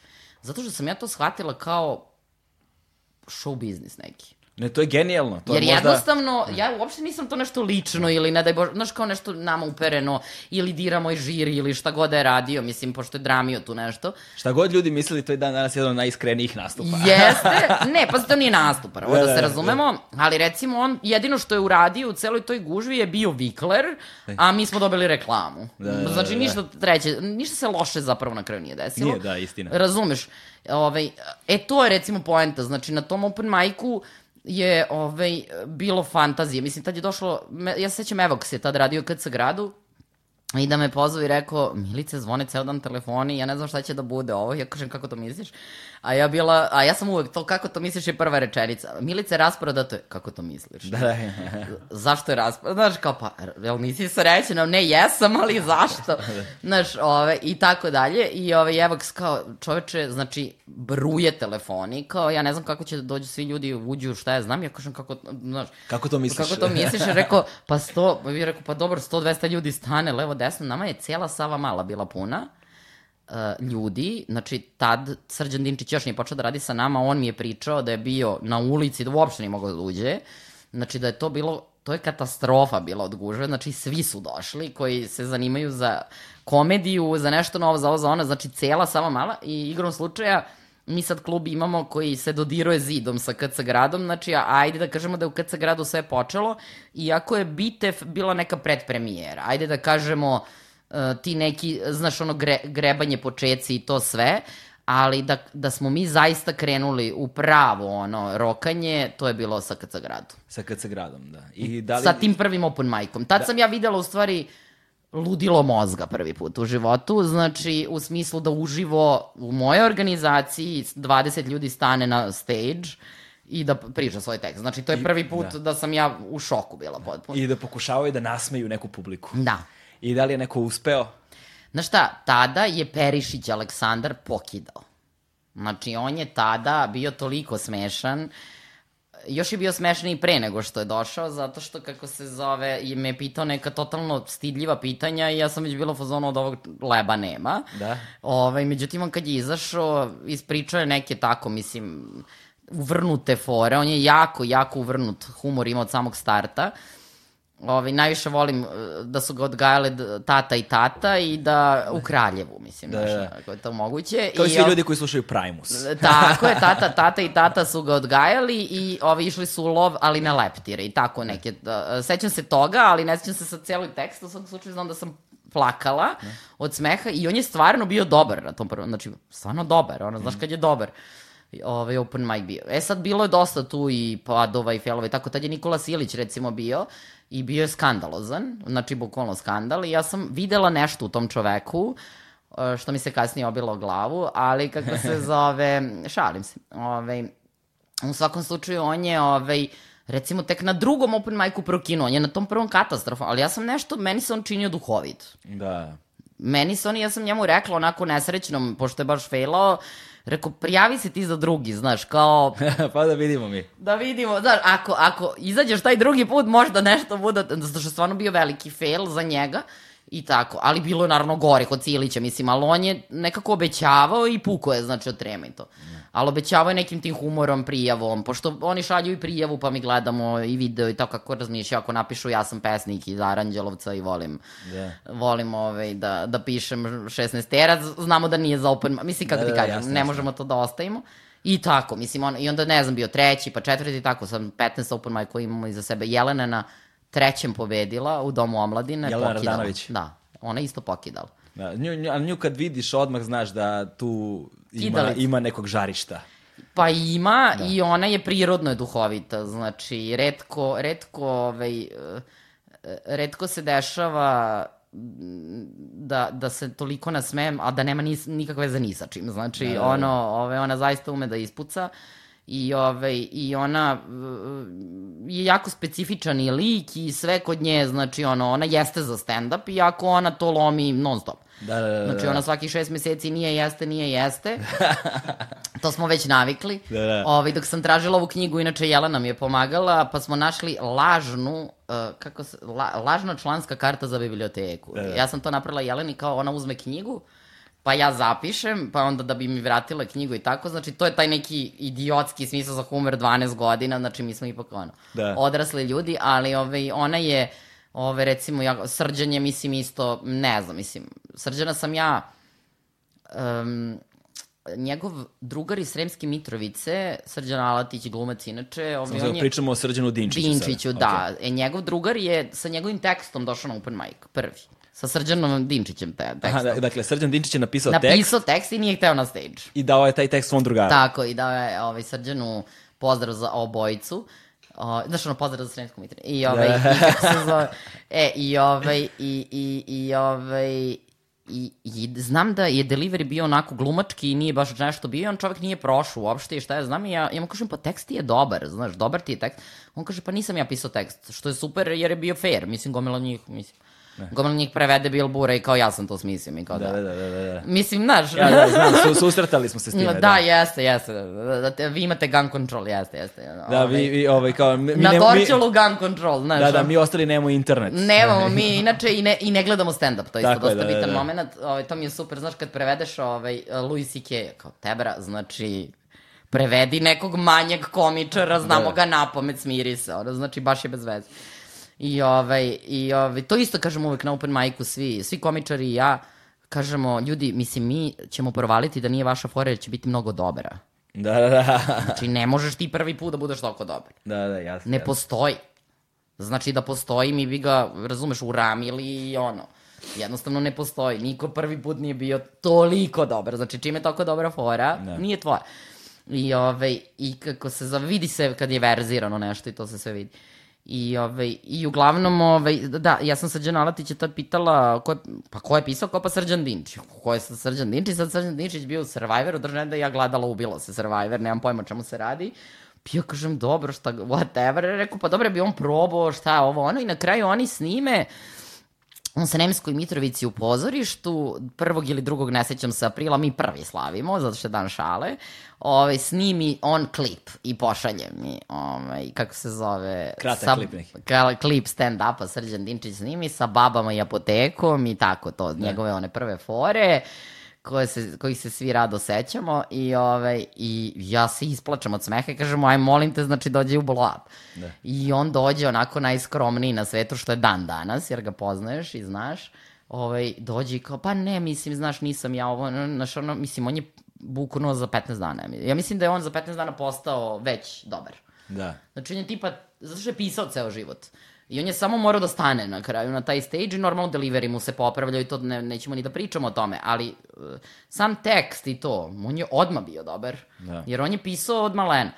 I to Ja se vidi. on je, meni, on je meni pričao da je on pisao anegdote za ježa kad je Jest. tipa bio u osnovnoj školi i da su mu objavljivali anegdote, Da. znaš, tako da. On je pisao Aforizme, aforizme, sa 13 godina. Da. Ko s 13 godina? Znaš, kao, zašto se nisi lepo drogirao i pio kakve aforizme, si ti Da, normalno. da, da, da. Znaš, ono, totalni ludak, ono, baš mi je bilo to smešno, znaš, kao, pa ono, on piše aforizme, znaš, ali to se ulazi u njegov lik i delo, jer je on zapravo jedan tako, eto, i on je van vremena, i on je, znaš, Jedina zamerka Srđanu Dinčiću je što je previše dobar. jest. On je stvarno dobrica, neviđena dobrica. Neviđena dobrica, ali ovaj, hvala Bogu ima nas par ovaj, oko sebe koji kažemo saberi se, ne možeš baš ono, znaš, da daješ svoje bubrege ujutru Da, da, da. i popodne ostalo. Ovaj, jer on zaista, znači, ono, mada i on razume sve to, znaš, Da, da. on, jasno je njemu sve, on samo prosto je takav. Da, da. Nije on uopšte naivan, on samo prosto, eh, Redko se sreću tako dobro namerni ljudi, on je baš dobar i dobronameran. Dobronameran i uspešan. Da, da. Dobronameran i uspešan je do baš redko. Ja ne, ne znam da li ih znam puno. Pa ja znam srđan. Pa da, to. I znam tebe. Ali ti Eto si mnogo luđi. Eto šale ni otkud. Ajmo dalje, ajmo, ajmo dalje, ajmo dalje. I uh, Dinča posle 15 dana postaje... Pa da, on postaje, on postaje vrlo brzo dobar. Učinilo Pre- se da je moj da pas. bude- pre- da. Ispod mene kao, Bela, šta radiš? Prestaje da bude ona iz Survivora, postaje stand-up komičar. Jeste, postaje stand-up komičar i postaje onako jedan dečkić, razumeš, koji ono, je otvoren za sve, ono, sve može, mi idemo njegovim kolima svugde. Sećam se jako dobro tog punta gde smo se nabijali nas petoro, razumeš, i bukvalno dođemo bez vazduha, ono, sa koksakijem, ono, do, do, do, do Slovenije, znaš, ono, jedva se doguramo. I onda je bilo to vreme, to je bilo doba nevinosti, što bi se reklo, ovaj, i meden, ili ti medenog meseca, kad nismo imali nikakav specijalan, mi smo samo hteli da, da organizujemo nastup i da nastupamo, znači nije bilo koliko para, da li je ovaj rekao nešto, da li, mislim, prosto nismo ušli u te batica momente još uvek. I meni je to najlepši period u stand-up RS-u, ne u mom životu, ali u stand-up RS-u da. Ove, što ne znači da sad nije lepo, jako je lepo, ali je skroz drugačije. Znači, potpuno. Ove, ali tad smo mi bili svi založeni za jedan isti cilj i bili smo jako uh, nekako, to, to stvarno to neka nevinost, nekako jednostavno samo hoćeš da imaš do jaja nastup. Znači, sve ostalo potpuno nebitno. I meni je to divna jedna emocija bila i tad smo se slagali lepo i tad nije bilo ko je bolji, ko je loši, ko ima više para, manje para i tako dalje. I to su stvari koje su kasnije naravno pokvarile celu priču, međutim, meni nije žao što, što se novac uplete u sve te priče, zato što ti kroz to onda imaš još jedan filter i na kraju ostanu ljudi sa kojima stvarno možeš da pričaš. Da. Ove, jer e, prosto jeste pare ljude kvari i ostalo, da, istina je, da, u ovom poslu je to velika istina i da, ovaj, kada vide kin, tu jednostavno počnu drugačije da razmišljaju i sve je to istina i tu nema nikakve diskusije, samo je pitanje da li ćeš ulagati taj novac koji zaradiš u sebe i biti bolji, samim tim i čovek bolji, mislim ono, ovaj, i bolji profesionalac i tako dalje, ili ćeš samo zarađivati pare radi para i to recimo razlikuje Srđana Dinčića i, i, i, mogu da kažem mene i tako neke ljude koji ulažu dalje u posao i vrte priču, dižu priču, hoće priču i tako,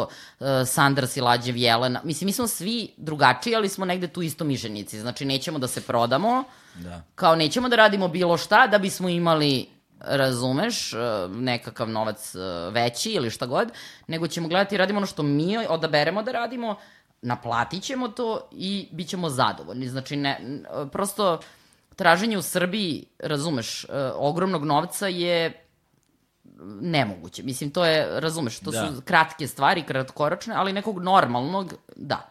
Znači, to je izvodljivo jako i onda, recimo, prvo, jedno od prvih pitanja, recimo na prvom open micu nije bilo pitanje može se živi od ovoga, znaš, pošto je bio prvi open mic, Da, svi da, smo da. znali da ne može da se živi. A recimo sad prvo to pitaju. Da. Oni dođu, znači nemaju tekst, kako treba, nemaju sređen, verovatno nisu za taj posao, Da. uh, samo će izaći, mi smo im dali šansu, oni pitaju da li može da se živi od stand-upa.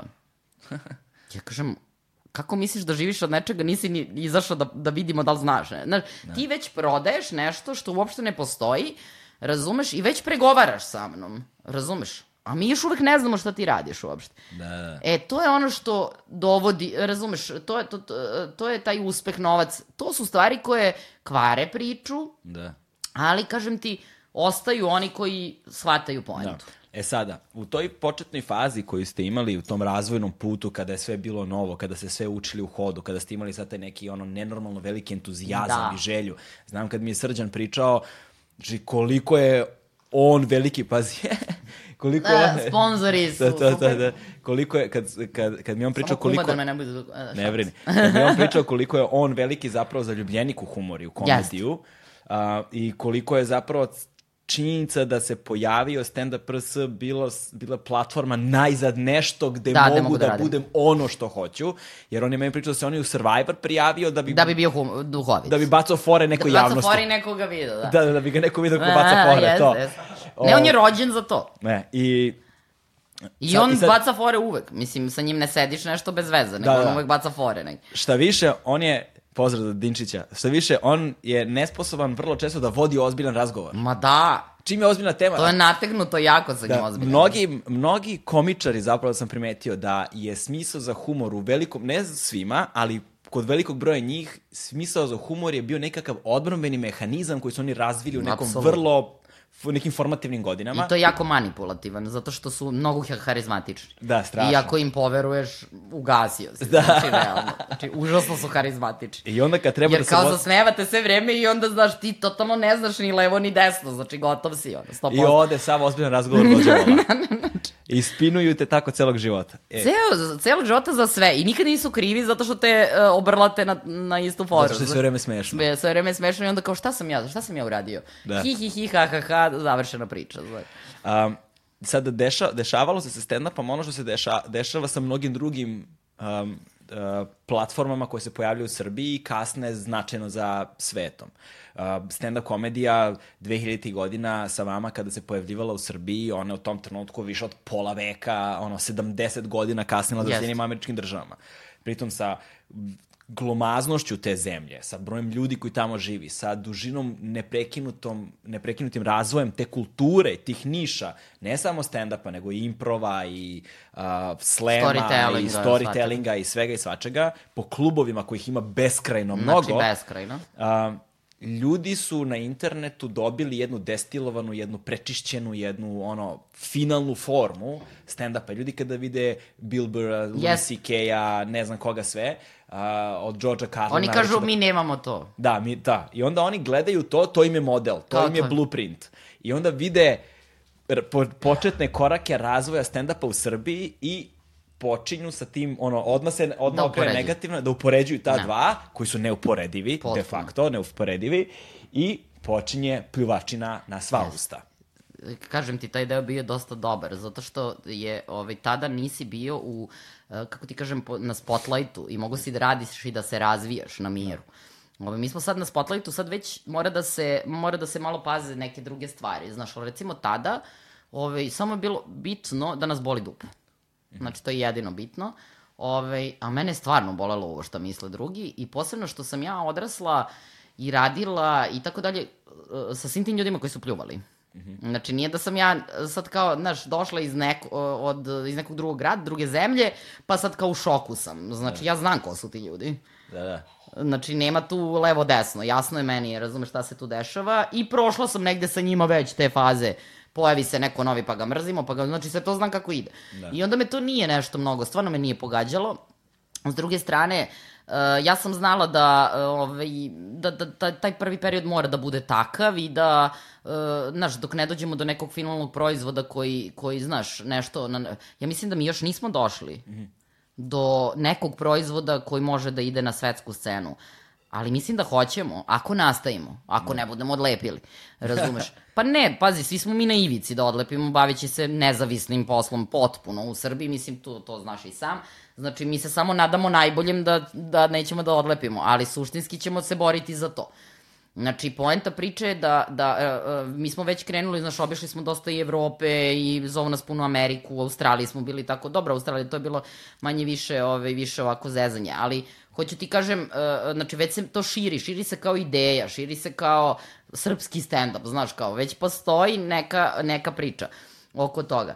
S druge strane, mi smo ovde doveli neke vrlo važne ličnosti koje, koje su nastupili i koji su hteli da nastupe u Srbiji, mm -hmm. jer su znali da je ovde situacija vrlo napeta. A to je ono što ti ja pričam o obrazovanju, opet i o, da. obave, o, o, kad si obavešten. Uh, naravno da kada imaš informacije kako u Srbiji, da će ti biti čas da dođeš tu da nastupaš. Da. Razumeš? Ali Amerikancima recimo nekako ne polazi mnogo za rukom da budu obavešteni dovoljno, ali Englezima polazi. I nama su Britanci bili to veliki Da.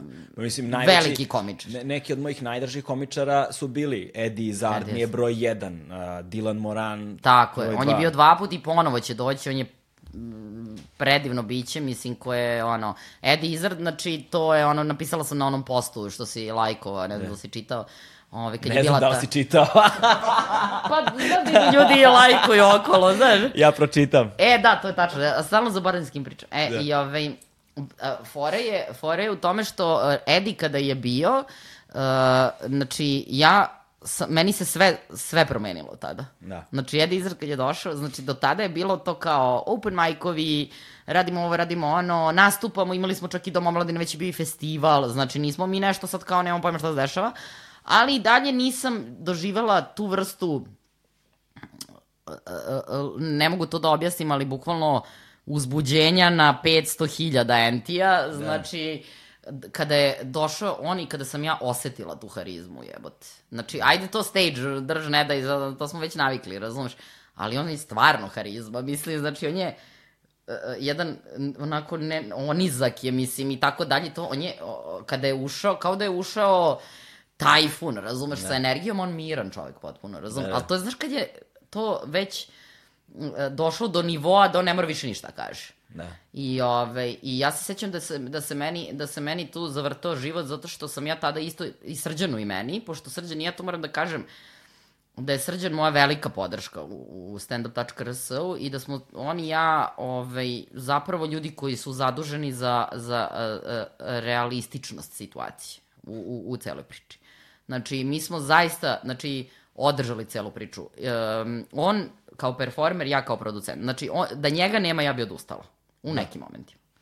Zato što je on čovjek koji zaista, znači, uh, pomera granice uh, uh, uh, uh, samo komičara i uh, prisustuje, koliko može. Znači, on je ipak performer, ali, ali koliko može, on prisustuje Znači, kad se nešto dogovoriš, kada nešto... Kad, meni kada je trebao neko da vodi na festivalu, on je tek počeo da radi. Ali ja sam mu rekla, moraš. da, da. Jel shvataš? Nema da. levo desno moraš. On. Da.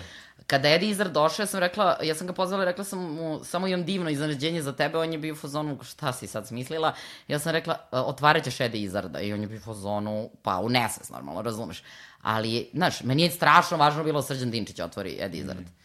I, recimo, njemu je bilo važno. I mnogo mi je bilo važno i mnogo mi je bilo važno da svi hipsteri koji su kupili karte za Edi Izard da slušaju Srđana Dinčića. Da, da, da, da. Jer ako već pričamo o, to, o toj priči, ako je jedan Edi Izard poštoje Srđana Dinčića, onda možda bi mogo i ti malo da poslušaš. Da. Kada pričamo o to srpsko-američkoj, britanskoj, znaš, ono, da. razlici. Da. Da, postoji razlika, ali ti treba budeš ponosan na ono što imaš, a ne stalno da pljuješ. Da. I to je ono što mene, ajde izad je ponosan, vidiš, ono, ovaj, na nas što nas je upoznao. Mm. A ti nisi, razum, malo je to, ja to ne volim kod nas, zato ti kažem, znaš, znaš, malo... Znaš kako se kaže, u glavi malog čoveka svaki je problem veliki. Pa upravo a, tako, ali a... ne poštuješ svoje, znaš, ono, a naš worshipuješ Bill Bura. Bill Bur je imao reku ludaka iza sebe koji su taj put napravili. Da, da bi došao Bill Bur. Ja da. ne kažem da je Bill, Bill Bur super, mislim car je, ali jednostavno ako ne bude došao nije car. Ove, kako se zove, ga ovo izbriši tako ne dođe. Yeah. Ove, kako se zove, ali, ali jednostavno, znači, e, to je situacija koja ti, znači, u odnosu na dat trenutak, možda budeš svesan mm -hmm. svoje istorijske dimenzije u tom momentu. Znači, ako mi imamo 10 godina stand-up i tvoj komičar jedan je ono imao tvoj, mislim, srpski, imao je, ne znam, iza sebe 2500 nastupa, napunio dva put uh, sam dom sindikata, uh, specijal mu je, ne znam, pogledan koliko puta, obišao ovo, obišao ono, uh, znači, najavio je Dizarda, najavio je Dilana Morana, znači, ono, čovek prisutan totalno, razumeš, 10 godina, znači, ne možeš da kažeš da nije uspešno, jako da. je uspešno. Znači, samo ne, on nije imao put, on je pravio sam. Da. I, to jest, mi smo zajedno pravili sami to sve, jer, kažem ti, bez takvih saradnika ne može da se radi. Mm -hmm. Mislim, ja sam mogla da maštam do sutra, ali razumeš. Tako je. Mislim, tako je, tako je. je to znaš, be, na bez, tom nivou i ostalo. Mo, možeš da misliš šta god hoćeš, ali da kažeš da takve osobe nisu učinile puno za domaću scenu je potpuno besmislica. Ma besmislica potpuno, naravno. Mislim, kao, razumeš, svi su oni, pazi, svi smo mi zapravo, razumeš ti neki uh, uh, delovi te, tog, te slagalice i tako dalje, to je normalno, razumeš. Ali, uh, i mi vučemo jedni druge da izdržimo u toj priči, znaš, ono, jer, znaš, ako smo se ti i ja nešto dogovorili, tipa radimo zajedno neki projekat, ako ja odlepim, ne. ti ćeš mene dođeš i da kažeš, molim te, nemoj da odlepiš. Razumeš? I ja ću da kažem, ok, zbog tebe neću da odlepim. Da, da, da. Razumeš, ali samo zbog tebe. Znači, da, ne možeš, ne možeš uvek ti da držiš volan u ruci, nekad moraš na suvo Moraš da daš, a s druge strane kad si loše, Znači, ta osoba, ako ste dobri partneri u poslu i u životu, dobri prijatelji, šta je znam, će da razume da, znaš, ono, da popusti malo. E, recimo, Srđan kad je dobio drugo dete, Znaš, ja sam njemu rekla, ja znam da će tebi biti sad katastrofa i reci mi samo koliko hoćeš nastupa i da li hoćeš. Da. Razumeš? Jer ja to znam. Znači, ja nemam decu, da. ali, brate mili, ja znam da ćeš ti biti van sebe. To mi je jasno, razumeš? Da. Znači, samo mi reci, ne mogu, znači, razumeš, smanjit ćemo nastupe, oborit ćemo to, znaš. Onda kao zašto nema srđane nastupa? Pa ne nastupa zato što čovek mora se odmori ipak nekad. Da. Razumeš? Realno. Znaš, ali to će ti reći, recimo, lupam, neko ko je kao u fazonu ljubomora na srđanje će kaže pa vidiš on više ne nastupa koliko nastupa. Znaš, ja sam u fazonu ne, on ne nastupa da bi snimao jednu emisiju, snimao drugu emisiju, razumeš i imao decu. Da, on ima znači, ne, on prosto ima ne može sve. Da, on ima neviđen tempo. Da, ovaj, mnogo je, mnogo. Znači, on je, sećam se mi kad smo putovali onda zajedno, on snimao je kviz, Sve. pa je snimao Ivanovića, pa je snimao još nešto sa njime, pa je onda snimao ne znam šta, da. pa onda ode ovamo, sve vreme pritom baj, ono živi u Mitrovici. U Mitrovici, kao, da. U Mitrovici, I onda sedne u kola i onda tipa vozimo za Niš. Da. I onda nazad... U Nišu onda... nastupate, vas dvojica ti najavljuješ, da. on nastupa, puna sala, sve, vraćamo se, znaš, ono kao jedemo s, s nogu i ćao. Da, I on nazad u Beograd, razveze nas po Beogradu i onda on vozi nazad za Mitrovicu, da. znači potpuno ludilo, znaš. Yes. Lik je, da, lik je ko mašina, samo funkcioniš i sve vreme yes. je divno raspoložen. To je ne, ne, nikad te nešto ne naduvava. da, da. Pazi, imala sam ja situacije sa njim, neću otkrivati, da. ove, gde je bio na rubu živaca, ali to je stvarno redko. Znači, i ovaj, to je redko i to znamo da da je kraj, da je stvarno, znači mu da, da, da, da. kada već baš pukne, ovaj, ali to je onako redko i to je, ali on je u svemu tome zaista ostao, to je bitno, znaš, e, za, zašto je ta desetogodišnjica bitna, zašto je, znaš ono, zato što zaista je teško ostati, znači, to što smo mi uradili prve dve, tri godine, Um, ja ne kažem da to nije teško, zato su potrebno onako, to je potrebna jedna ludost i hrabrost, da. ali poprilično i neiskustvo, znaš, da. zato što ne znaš šta te sve čeka, pa kao ajde, znaš. ovaj, kad znaš, onda si u vazonu, oh my god, ne, ne ponovo da prolazim ovaj pakao, razumeš, znači, da. skroz su drugi nivoji, ono. Ove, kako se, tako da to skakanje bombe je nekako uvek bilo lakše, barem meni, razumiješ? Kad ne znaš što skačeš. Tako, ne znaš, ono, skačeš, pa sad, mislim, ono, ko živ, ko mrtav, mislim, na kraju krajeva, znaš, ipak se mi bavimo tim kreativama, pa kao, znaš, otku, malo je to kao neozbiljno počelo, razumeš? Nije to bilo, mislim, nismo da. ni bankari, da. razumeš? I sad znamo da je ozbiljno i sad znamo da bismo se održali, razumeš, da ne bi stvarno odustali, jer je teško, znaš, udarac... Uh, svaki udarac sa strane u smislu na našu, tu, da kažem, priču je uh, nekad stvarno ti to teško padne. Ti pomisliš, ok, znači, uh, uh, i dalje će dolaziti ljudi koji hoće da se mi pozabavimo njima, da radimo sa njima, jer mi smo, uh, kako ti kažem, izvor svih tih ljudi. Svi ljudi koji sada rade su prošli kroz našu organizaciju. Znači, barem na jednom open majku. Znači, da. svi su oni prošli. I baš sam se zezala Teodori i za nju. Pozdrav, pozdrav za Mitrovicu, pozdrav za mali zvornik, znaš, ovaj, kako se zove? Teodora je... Teodora je moja asistentkinja i ja sam Teodori baš rekla, ovaj, bože, znači onako u BS-u, ona me čuje uglavnom u najluđim situacijama, i ja kažem, bože, je li neko prošao pored nas da se nije očešao? Da, da, da. Znači, ili ima neko da je prošao samo i da je samo prošao, popio kafu i otišao. Znači, ne, svako je uzeo nešto što mu odgovara, što je meni okej. Ali mi nije okej da ti se ponašaš da mi ne postojimo, na primer, ili da ti si to čuo negde drugde, ti si na internetu, to se vidio pa si znaš.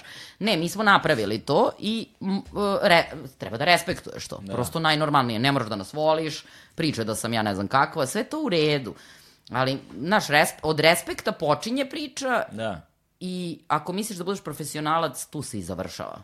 Da, da, da. Jer ako ja tebe poš... Mislim, ja tebe, mislim, mi se družimo već 100 godina i tako, ali ja tebe kao profesionalca u ovom trenutku poštujem i ne, ne razmišljam ništa drugo. Da. Znači, moraš da poštuješ neke stvari. A, ovaj, a recimo to ljudi nekako u Srbiji baš teško rade i to na kraju krajeva znaš i sam. Da. E sada, um, kada, ste, kada ste se oformili u tu prvu, prva postava stand-up RS, kako je izgledala? Ko su bili? Ko je A, prva postava su bili, znači Aleksandar Perišić je na prvom open micu pobedio. Da.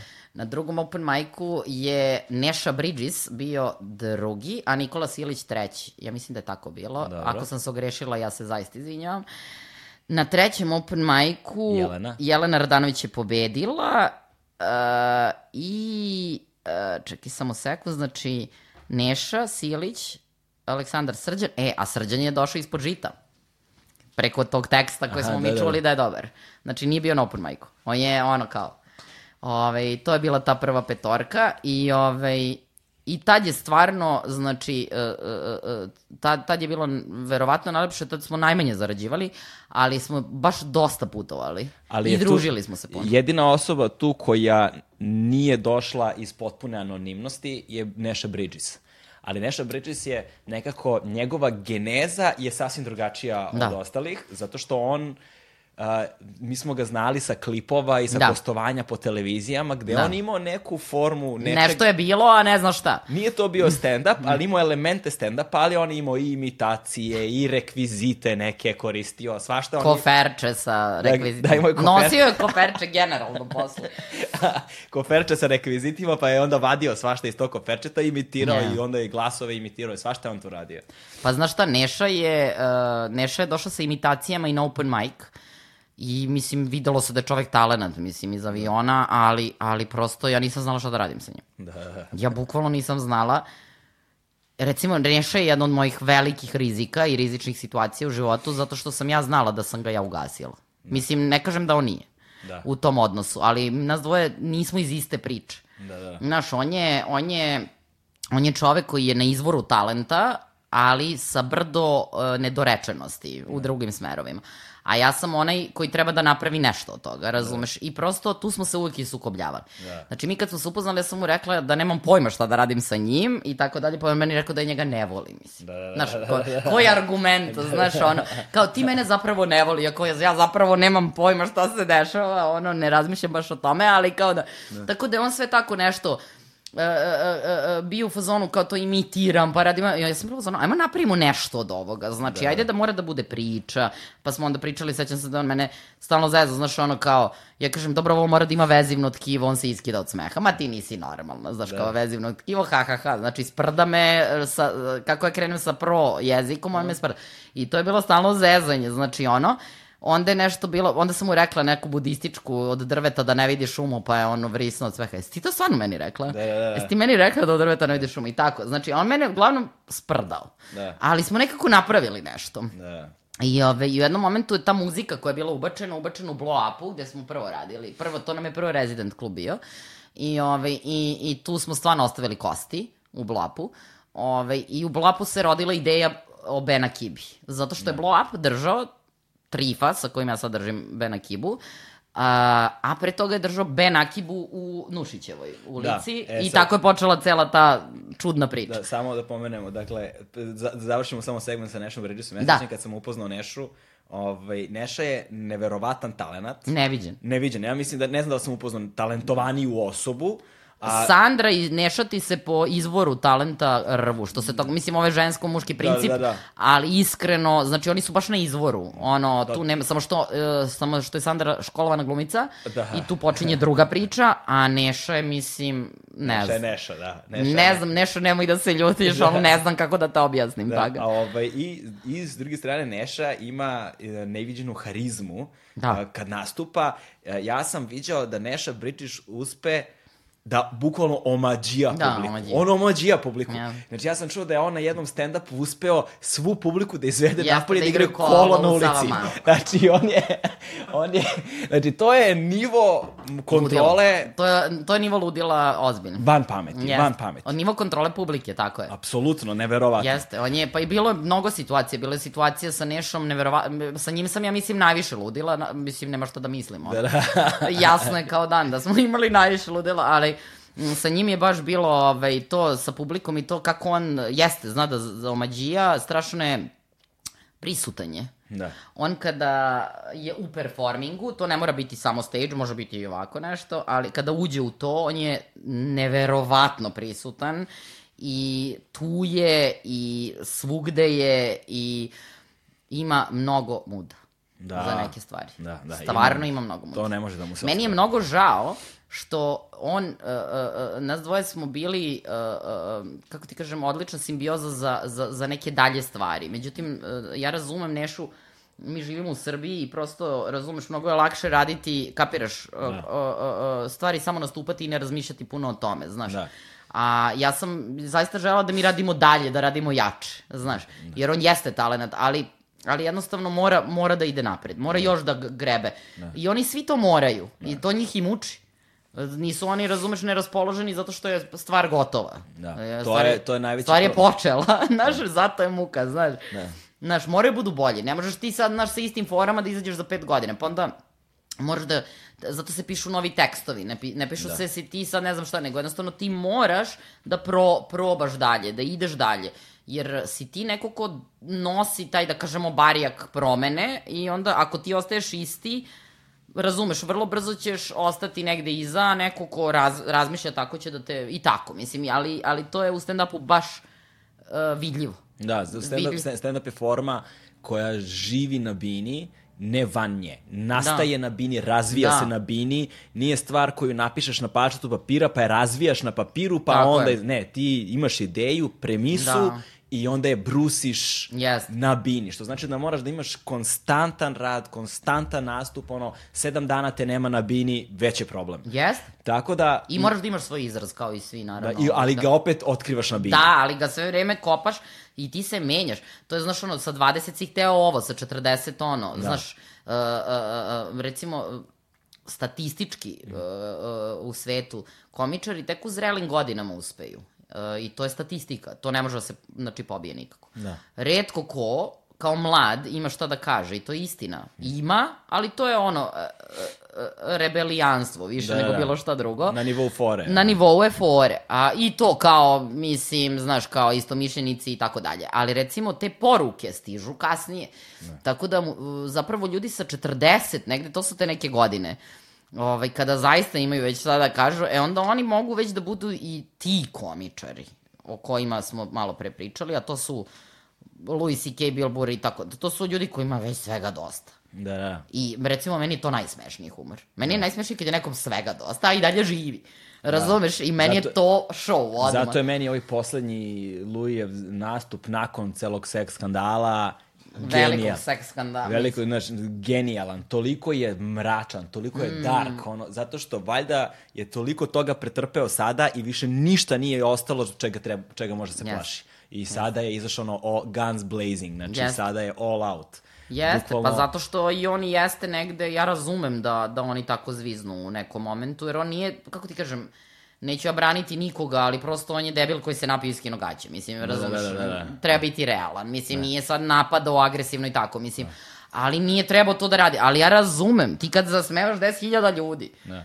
I svi plaču od smeha, razum. Mislim, ja sam imala situaciju sa Dilanom Moranom, kada je bio ovaj, eh, prvi put. Uh, uh, dve ribe, i to lepe ribe, su se preko stage-a popele u domu omladine, tamo znaš, ono, ovaj, kako se zove iza, u Zabinju, ovaj, tamo ovaj, one metalne stepenice, da bi došle do Dilana Morana. I Dilan, pošto nije smelo da se puši unutra, je naravno zapalio, ovaj, u, ali u WC-u, razumeš, da, jer nije mogo da izdrži. I, ovaj, I njih dve su uleteli, ja čujem neko, bili smo samo oni i ja u backstage-u, ispred je obezbeđenje. I ja čujem nešto rnge, neka šta god i ne. čujem neke glasovi. Ja dolazim, reku, znaš šta se dešava, nikog živog nije bilo, samo nas dvoje. I ovako dolazim, a on se trese ovako koliko se iznervirao, dve ribe došle i otprilike tražile mu seks. Da. Razumeš? I kao sve to, kao jel mogu ovo, jel mogu ono, pritom lepe neki i tako dalje, a on potpuno nezainteresovan. Znači da, da. za te stvari, jednostavno da. čovjek potpuno u drugom filmu. I ovaj, on se baš iznervirao i tad me uhvatio za ruku i rekao, ono, vodi me odavde odma, znači, ono, da. i ja sam ga ja odvukla tipa u, u, u neki od onih rupa naših gradskih, nebitno, znači, ono, da. samo da ga niko, znaš, ne smara. Jer fore kod komičara oni nisu, oni se često ne lože na te da. takve priče, znaš, ono, na, na to kao da ribe. rock and roll lifestyle. Da, da, da, nije rock and roll lifestyle i često su alkosi, znači mnogo manje narkosi, a to je zbog priče, verovatno, jer ne možeš ti sad, da razumeš, ovaj, toliko da otvaraš kapisle urađen, verovatno, a od pića valjda može da ide, znaš. Tako Nijansiraš da... ga fino. recimo, da, recimo da kažemo da, da ga je fino nijansima, da imali smo jedan nastup gde je zbog uh, vodke Red Bulla, ne, rakije Red Bulla, uh, na pola nastupa čovek rekao doviđenja, prijateljno do piški. Da, stra... ko? Stranac, Reginald D. Hunter. Nisam bio, nisam bio na tom nastupu. E, um, dakle, dešava se, uh, bio je taj kultni klub u Beogradu, mogu svakako da mm. kažem, u Nušićevoj ulici, uh, Ben Akiba, koji je zapravo bio stan u zgradi na trećem spratu da. nekom da. deli je bio. Sjećam se da su tamo svoje vremeno često održavali, recimo, pub kvizovi, da uvek su imali nekakav program ne. sa strane, pored klasičnog ono, koktel bara koji su oni gajali tu godinama je on tu postojao. Ovaj, premestili ste se gde? Odnosno, gde su se premestili i vi ste tu onda ušli? Znači, u Nušićevoj, tu Bena Kibu je držao Trifa, mm -hmm. koji će kasnije otvoriti Blow Up. Blow Up je bio u 29. novembra. U 29. novembra, koji se zove Blow Up, mi smo stand up i tako dalje i sve tako hi hi hi. Znači, ovaj, I tako je zapravo počelo. On je došao sa Adamom, njih dvojica su našim DJ-em, ovaj, i, i prijateljem i tako dalje, ali ovaj, on je, oni su tada bili kao da kažem glavni u blow-upu, eto, i onda su oni došli da predlože uh, meni da uh, imamo jednom nedeljno stand-up u blow-upu. I onda sam ja rekla da može, ovaj, super da imamo svoj kao neki resident klub. Uh, može, ali sam rekla tom prilikom, ali komičari moraju da dobijaju pare. Sećam se da sam, mi moramo pare da dobijamo. I ovaj čovek šokiran, razumeš, pošto sam kao, znaš, sad kao, znaš, dolazim i kao pogađam se. Ja sam bilo zonu, niko za džabe ne može da radi, jer mi neće raditi. To morate da shvatite. Znači, ono, i kao, dobro, šta god, ovo, ono, Trifa je u suštini mene provalio, čime upoznao, i pustio me. Znači, video je da tu, ovaj, da će biti sve urađeno, ali da će biti malo ono ovaj, da ću ja tako malo ovaj, dramiti. I kako se zove, i onda ovaj, smo mi u blopu nastupali par godina, tu su rasli Srđan, Jelena, ono, Neša, Nikola, Aleksandar i tako dalje, pa su se pojavljivali novi, pa je bilo, festival je krenuo 2011. On je bio u domu omladine, pa se preselio u dom sindikata, pa će sada budu u Sava centru i tako dalje, znači idemo na, na veće. Ali, ovaj, Blap je sve vreme radio. Znači, on je cele godine radio, a mi festival u oktobru kad radimo, tu ro rokamo velike scene i ono, pozorišta ili domove i tako dalje. Blow up kad se desio, zapravo tada je prvi put uh, krenula priča po gradu da, su, da se dešava da se dešava stand-up. Za, zapravo pre toga uh, stand-up nije postojao ono u kao svesti. Rečniku. Da, u svesti ljudi kao kada su izlasci noćni u pitanju. I sećam se kada se blow up pojavio, da su ljudi bili u fazonu idemo do blow upa da vidimo šta je taj stand-up. Znači, to je bilo kao da eks eksperiment, da vidimo šta je, na što viliče, idemo da se malo ono, smejemo ovim budalama. Ne da se smeju zbog nastupa, nego da se smeju ljudima koji nastupaju. Ovaj, to, je bio, to je bio mindset, pa onda idemo negde kasnije.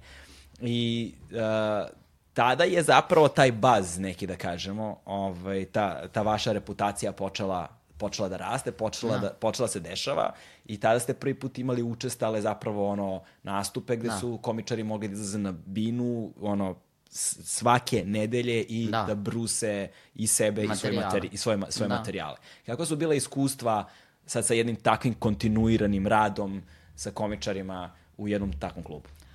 Pa bila su ove, ovaj, u suštini dobra iskustva. Pazi, mi smo tada učili dosta toga. Uh, Uh, uh, uh, ja sam, moram da kažem, ipak bila kao organizaciji i produkciji okrenuta, tako da, ovaj, znaš, uh, oni su, njima je bilo čupavo, ali je uh, sa moje tačke gledišta uh, ja sam stvarala neku strukturu tada. Da. Znači ja sam se bavila tad strukturom, zato što mi nismo imali kao, kad imaš razređenu priču, ti imaš statistiku, iza toga imaš arhivu, imaš ovo, imaš ovo. Znači, znaš otprilike, ako krenemo ovamo, bit će onako, ako krenem, znaš, nekako možeš da proceniš. Ovde je bio stvar osjećaja.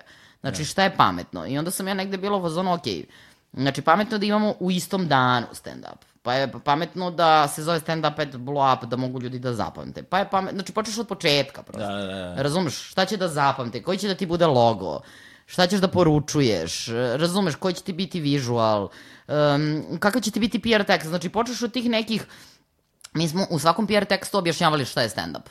Da. Mi nismo puštali to kao dođite da gledate, jer mi znamo da niko nema pojma, a pravit će se da znaju i onda naša poruka nije stigla. Da. Znači, napišeš lepo stand-up je forma gde sam komičar piše, znači ono, mi smo drvili to minimum pet godina. Da. I dan danas mučeni srđan kad ga pitaju o stand-up, on popizdi više, on kreće da drvi tu našu, razumeš? Jer šta, znaš, jeste. Znači, to jeste, znači, forma autorska, gde, razumeš, sam čovek izađe na stage, priča svoju priču, mora da zasme, mora da, mora da, znači, to, to jeste tako. I to ljudi što ne znaju, oni misle sad kao te vicevi, nema to veze s vicevima. Da, da. Vic je potpuno druga priča. Ja nemam ništa protiv vica. Ali jednostavno, mislim, ne volim ih ovako sad, ono, ako pričamo o tom, ali, ali nemam ništa protiv, znači, ne zanimaju me samo. Da. Ali, ovaj, ali jednostavno, znaš, onda recimo te šale, uh, ne mogu da shvate, to su nijanse koje deluju kao nijanse, vrlo su važne. Da. Znači, to je ono kao, e, ne znam, recimo, za ti kad pričaš kao, pa sad spominješ kao bosance, hrvate, ono, to, znači, to je diskriminišuće. Ljudi, da, da. znači, to nije vic. Ni, niti je smešno. Znači, da. to što radite besmisleno, razume, ali ljudi to pričaju na stand-upu. Znaš, dođe bosanka, Ja se zaprepastim, znači, znači kako, znači... Što pričaš? Be? Si ti odlepio, je. Razumeš, saberi se. Da, da. Ne, ali bukvalno do, ali dolaze ljudi totalno ubeđeni, razumeš da je to šaljivo i onda im nije jasno, ali kako ja da objasnim, sad mi ti reci, kako ja da objasnim da to nije, ne, ne samo stand-up, nego nije ni smešno. Da. Pustiš ga na binu, pa nek najebe. ali, on ne, ali on često misli da nije najebe, on misli da smo mi surovi. Aha, da, e pa onda Šta nema. ćemo onda? Nema, nema pomoći. Ne, to ti kažem, moramo možda Red Bull malo da im damo. Da. Baš sam se raspričala od Red Bulla. Pozdrav za sponzore, znaš. Ovaj... E sada, stand-up je istovremeno i dvosmerna ulica. Stand-up komedija ne postoji bez publike. Prosto da. ne postoji. Nije nešto što, ok, možeš se nekada da gledaš komičare na Netflixu, na skineš i pa ti tu bude nešto smešno, to nije ali ni... to je ni, sa publikom i snimano. Snimano publikom, ali opet to nije ni delić nije, nije. živog iskustva. Nije. I to je Ali nešto bez publike bi bio skandal. Potpuni skandal. Znači, bez publike, bez smeha i stvari u tome što uh, taj nastup, koliko god da je uvežban, on živi u svojoj formi tek i dobija finalni oblik tek sa tom konkretnom publikom koja, koju ga izgovaraš. Tako. Ti moraš da osjetiš publiku, publika mora da osjeti tebe i tu se desi nekakva razmena. Yes. Tako da ta forma nije toliko rigidna, ona se, ona se menja i transformiše u odnosu na to kome se obraćaš. Ukoliko se publika nije nasmejala, ti nisi dobro radio, nije publika Tako ta koja, nije ta publika ta koja je kriva. Da. Kad znači čujemo da, loša publika. Kao... Da, da, loša publika ne postoji. Mm. E sada, Stvar je u tome što kada su ti začeci, kada ste vi morali da pišete te tekstove da objašnjate ljudima šta je stand-up, to znači da na jedan način istovremeno mora i publika da se obrazuje. Dvosmerna da. je ulica. Kako je izgledao, kako je izgledao razvojni put srpske publike kada je stand-up u pitanju? Pa znaš kako, da, edukacija publike je jedna od poglavlja, znaš, stand-up prsa jest. Uh, Ove, još uvek se time bavimo, ali ove, pa ja mislim da je uh, jedina, jedina stvar koja, mo, znači da budeš uporan i da insistiraš. Koliko se... Na, Konstantno da insistiraš. E, Da, da, li, da, li, da li se nešto promenilo kada je publika u pitanju? Da li se formirala stand-up publika? Da li su Formirala se. Da, da li vam je lakše danas nego što je bilo pre 10 godina? Kako Jest. su te stvari, kako, u čemu se to ogleda? Ogleda se u tome prvo i osnovno što mi imamo četiri puta nedeljno stand-up u Bena Kibi, što nije bilo izvodljivo uopšte, mislim, naravno tada. Mi smo imali jednom nedeljno i to smo se kidali da, naš, ono da bude sve pod, kon, pod konac i pod kontrolom, sad mi imamo praktično repertoar. Mi nekad i 20 nastupa mesečno imamo, znači nevezano za gostovanje, znači samo dva, 20 nastupa u Bena Kibi. To, to je sad već ozbiljna priča Da. ovaj, kako se zove, publika, pa ništa, iskreno, ja, kažem ti, ja sam zaista išla po osjećaju, ja sam insistirala jako, ja sam puno e, medije, recimo, e, znala sam da smo novi, Da. sad to ne može više. Znala sam da smo novi i da smo svima zanimljivi. To mora biti tako, znači drugačije nema, jer sad više to nije zanimljivo, ja pustim vest da dolazi, ne znam ti ja šta boli huvo, razumeš, ali mi kad smo počeli nije bilo toga. I ti kreneš stand-up svi, ju, politika, idemo intervju, ajmo vamo, ajmo tamo, ja sam obišla sve televizije, davali smo svugde intervju, ja uglavnom sam komičare gruvala da oni, pa onda i ja, pa onda ne znam, znači svi smo bukvalno sedeli na medijima koliko smo, svi su nas zvali da vide šta je novo. Da. I, ovaj, I to je neko to insistiranje. Onda za prvi stand-up fest smo napravili čak i konferenciju za štampu, koja je bila super i uspešna i velika, što je moglo tada, zato što su svi došli da vide šta se dešava i tako dalje.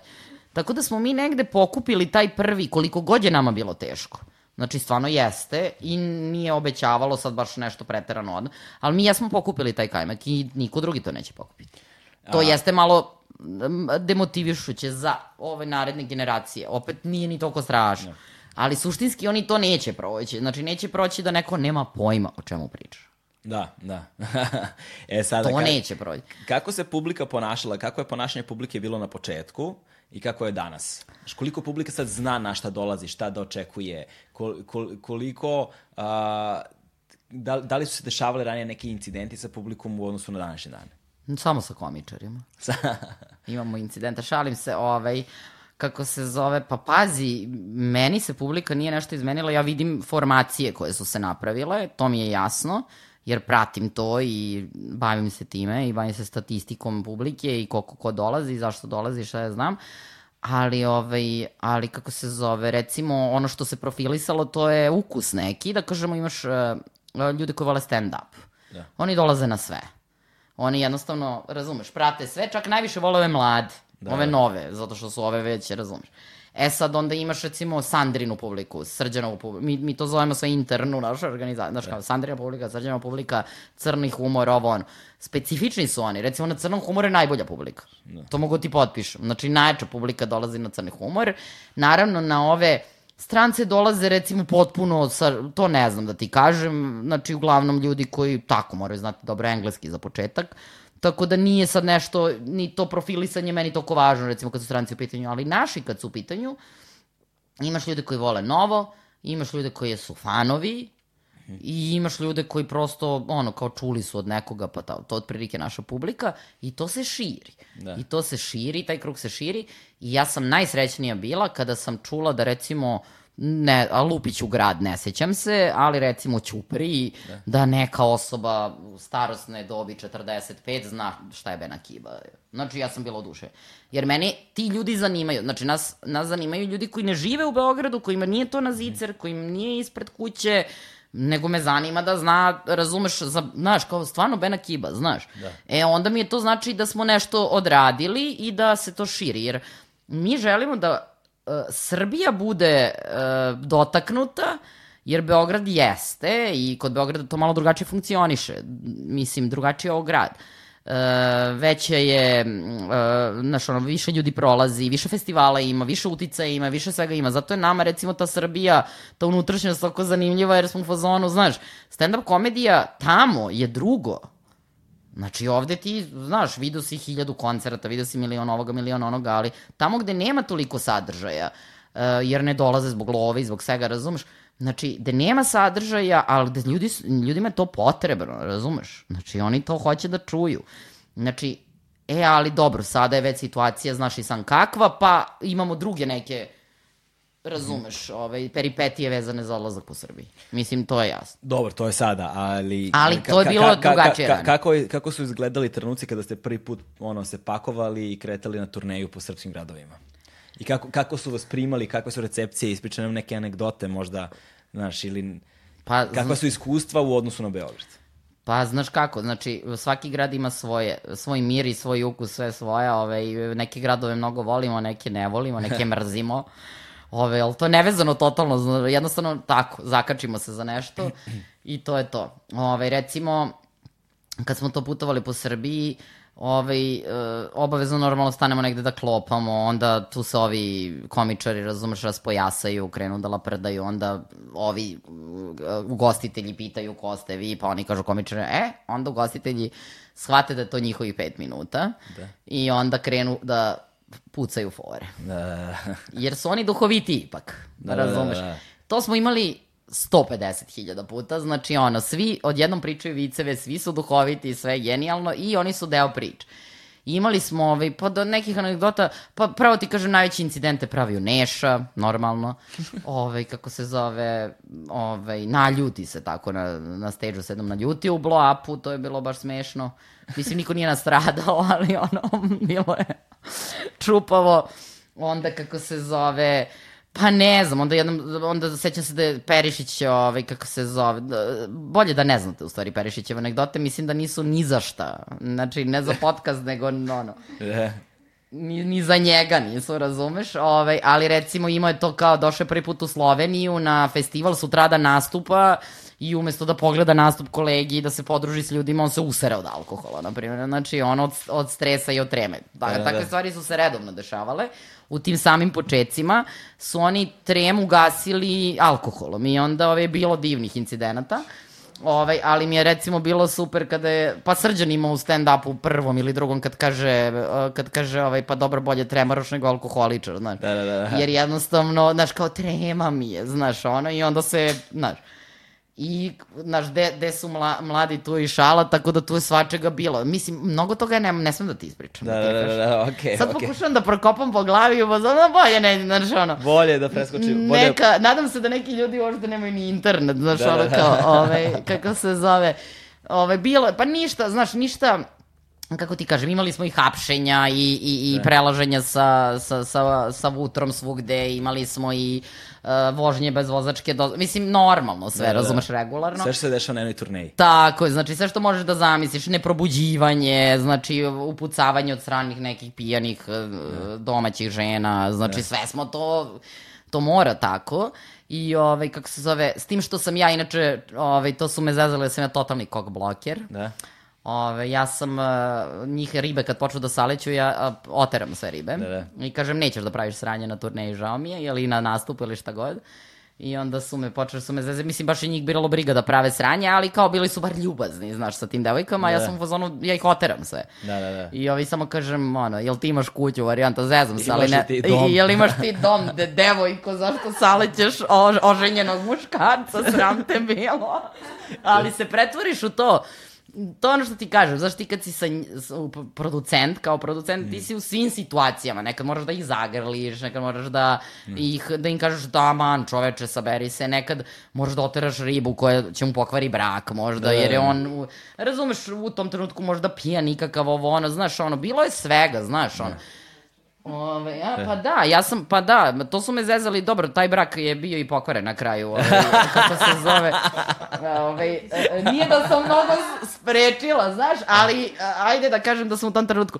Ne, ali hoću da kažem, e, e, vi kada ste u, outside, jer si i ti jedan od ljudi koji su, ono, ovaj, na Spotlightu uh, imate te neke svoje ranjivosti koje prosto ja kontam i kontam vas nakon toga i jasno mi je da ne treba da vas, uh, razumeš sad, ne znam, latim ko praznu slamu i ostalo, nego da treba da eventualno zaštitim tipa Da. situaciju. Naprimjer, ako ti, ne znam, imali smo, neću da sad imenujem, ali ovaj, komičarka, mislim, baca peglu, razumeš, i ja ono rasklonim ceo kafić, razumeš, da ne bi videli šta se dešava i tako dalje, ali to je normalno, razumeš, zato što, kapiraš, nećeš da dovedeš u neku situaciju bilo koga i onda si malo Da. igraš taj neki, da kažem, bodyguard moment, što bi ti isto radio za ortaka. Pa da. Mislim, da. nije sad to nešto, znaš, ono, E sad, normalno. kada si ti, kada si ti buffer zona, kada si ti ono, uh, taj prostor između komičara i kogod je promoter, organizator uh, ili gde god da idete, šta god da dogovarate, uh, kako izgleda taj posao kada se nalaziš na jednom terenu koji je potpunosti nov. Znaš, nije sada da vi organizujete koncert ili filmsku projekciju ili ko zna šta, dolazak neke glumačke trupe ili pozorišta ovoga i onoga, što ljudi već znaju šta je i očekuju. Nego kada prvi put dolazite negde, kada prvi put pregovarate nešto, kada se prvi put namećete i kada pokušavate da ustanovite jasna pravila sa, ne znam, vlasnicima da li klubova ili možda nekih institucija, kulturnih centara i kada pokušavate da uspostavite svoj nastup na, nekom novoj, na nekoj novoj lokaciji. Pa, ovaj, znaš kako, prvo e, to radim ja, to vodim ja i, ovaj, i asistentkinja moja ovaj, nastavlja onda posle uh, uh, pregovore, drame i ostalo. Ovaj, uh, poenta priče je da uh, uh, apsolutno pravila moraju da postoje. Znači u samoj organizaciji mora da postoji tačno napisano i potpisano šta hoćeš. Jer ti ako improvizuješ, od toga leba nema uopšte. Jer ti ako ne improvizuješ, najverovatnije će doći do problema, ali ovako si završio sigurno. Tako da mi volimo da radimo recimo sa mestima koje su proverena, volimo da radimo sa mestima koje će kontinuiranu saradnju da poštuju, znači hoć- hteće to. Volimo da rad... Znači, mi volimo da napravimo svoje neko mesto u nekom gradu, a ne da imamo jedan ad hoc nastup, da uzmemo pare i da odemo kući. Da, To nam nije, kako ti kažem, jer mi, razumeš, meni je mnogo interesantnije uvijek bilo da mi imamo u Novom Sadu svoj klub, da imamo u Nišu svoj klub, da imamo, razumeš, u, u pet gradova, pet gradova, ali ti imaš, nevezano to samo za gaže komičara, znaš, to će iz komičarskog ugla to izgleda više gaža, znaš, ali poenta priče te saradnje je to da ti postojiš u pet gradova i da se ti vrtiš. I to je ono što mi pokušavamo. Bena Kiba nije otvorena zato što je nama lako sa, sa, sa klubom. Jako teško držati klub i teško držati klub u Sava Mali i u ostalom situacija je uvek ovakva ili onakva i tako dalje. Znači mi smo baš nezavisna priča i prosto nije, znaš, uvek ima, postoji uvek nešto što te nervira, što te sekira i šta god. Ali jednostavno Bena Kiba postoji da bi postao stand-up. Jer ti ne možeš da imaš samo ad hoc nastupe. Mora postoji izvor i mora da postoji nešto odakle ide mora, uh, da postoji, priča. mora da postoji zborno mesto. mesto Zborno mesto, da. tako. I recimo nas kad zovu, znaš, kao, ja kad kažem da imam klub, to se menja priča odmah. Znači, aha, vi držite pet godina klub i kao stalno vam je program. Jer onda oni znaju da ne mogu da se igraju sa nama, mi znamo to da radimo. Znači, nije sad ono, naš, mi hoćemo uvatimo mikrofon pa da vitlamo, razumeš? Nego oni znaju Da. da mi znamo posao. Znači, ja kad dođem u klub, ja ću znati koliko si uzo pare na piću, koliko si uradio ovo, koliko si uradio... Tako da sa mnom dogovor već ide malo iz drugog, razumeš? Da. Još jedna stvar kod producenata i imanja producenta uopšte, mislim, ja mislim da svi ozbiljni ljudi moraju da imaju producenta, mislim, to je moje mišljenje, ove, zato što to prosto mora tako, jer ti da pregovaraš u svoje ime je jako teško. To su teške stvari. Ja u svoje ime ne umem da pregovaram. Razumem, ja kad sebe treba da prodam, uslovno rečeno što mi se ne dešava često, ali ja, ajde, kad treba nešto ja da budem sa tu, ne znam, zavezda večeri, Ne. ovaj, meni to ne ide dobro. Ja lakše tebe prodam. Jer ja znam tačno šta ti radiš i kad pričam o tome, ja pričam normalno. Ja sam u fazonu nepristrasna sam. Da. Nisam ja u fazonu, joj, znaš da li će da me prime. Ne, nego sam u fazonu galebije fantazije od voditelja, mislim, obrazovan, genijalan, ovo ono. Razumeš? A ako bi pričalo o sebi, bila bi u fazonu, ma ja sam luda. Znaš, pusti ti mene, ja sam... Da, da. Razumeš? E, to je ono što ne kapiraju generalno kao produkciju, a što ne kapiraju ljudi u Srbiji, što misle da smo mi neki ljudi koji drže pare. Da, da, da. Meni kada će kaže, a ti imaš pare? Ja kažem, ma da, to je moj posao. da, da. Ja sam se rodila, ono, zbog para. Znači, ta, to, to je moja poenta cele priče. Kada dođu komičari na open mic i prođu open mic i sad oni treba, oni su za, to je zapravo prvi korak na putovanju da jednog dana možda postanu komičari. Um, kako, uh, kako se radi sa tim komičarima? Pretpostavljam da postoje neke tehnike, da postoji nekakav program, da postoji nekakav režim, da sad ti dođeš nekom komičaru mladom, mladoj komičarki i kažeš, e, sad ti dođi ovamo, šta je sledeći korak? Šta se dešava? Šta je to što oni moraju prvo da savladaju, da razumeju i šta je to na čemu moraju da rade? Pa pazi, uh, znači menja, pravila su se menjala iz godine u godinu, dok smo mi postali, da kažemo, prava ustanovljena organizacija, sve se to, znači, par puta promenilo. Znači, u samom početku su oni pravo na stage izlazili. Znači, što ne znamo I dan danas dalje je bilo dobro ili loše. Bilo je i dobro i loše, da, kao da. i sve.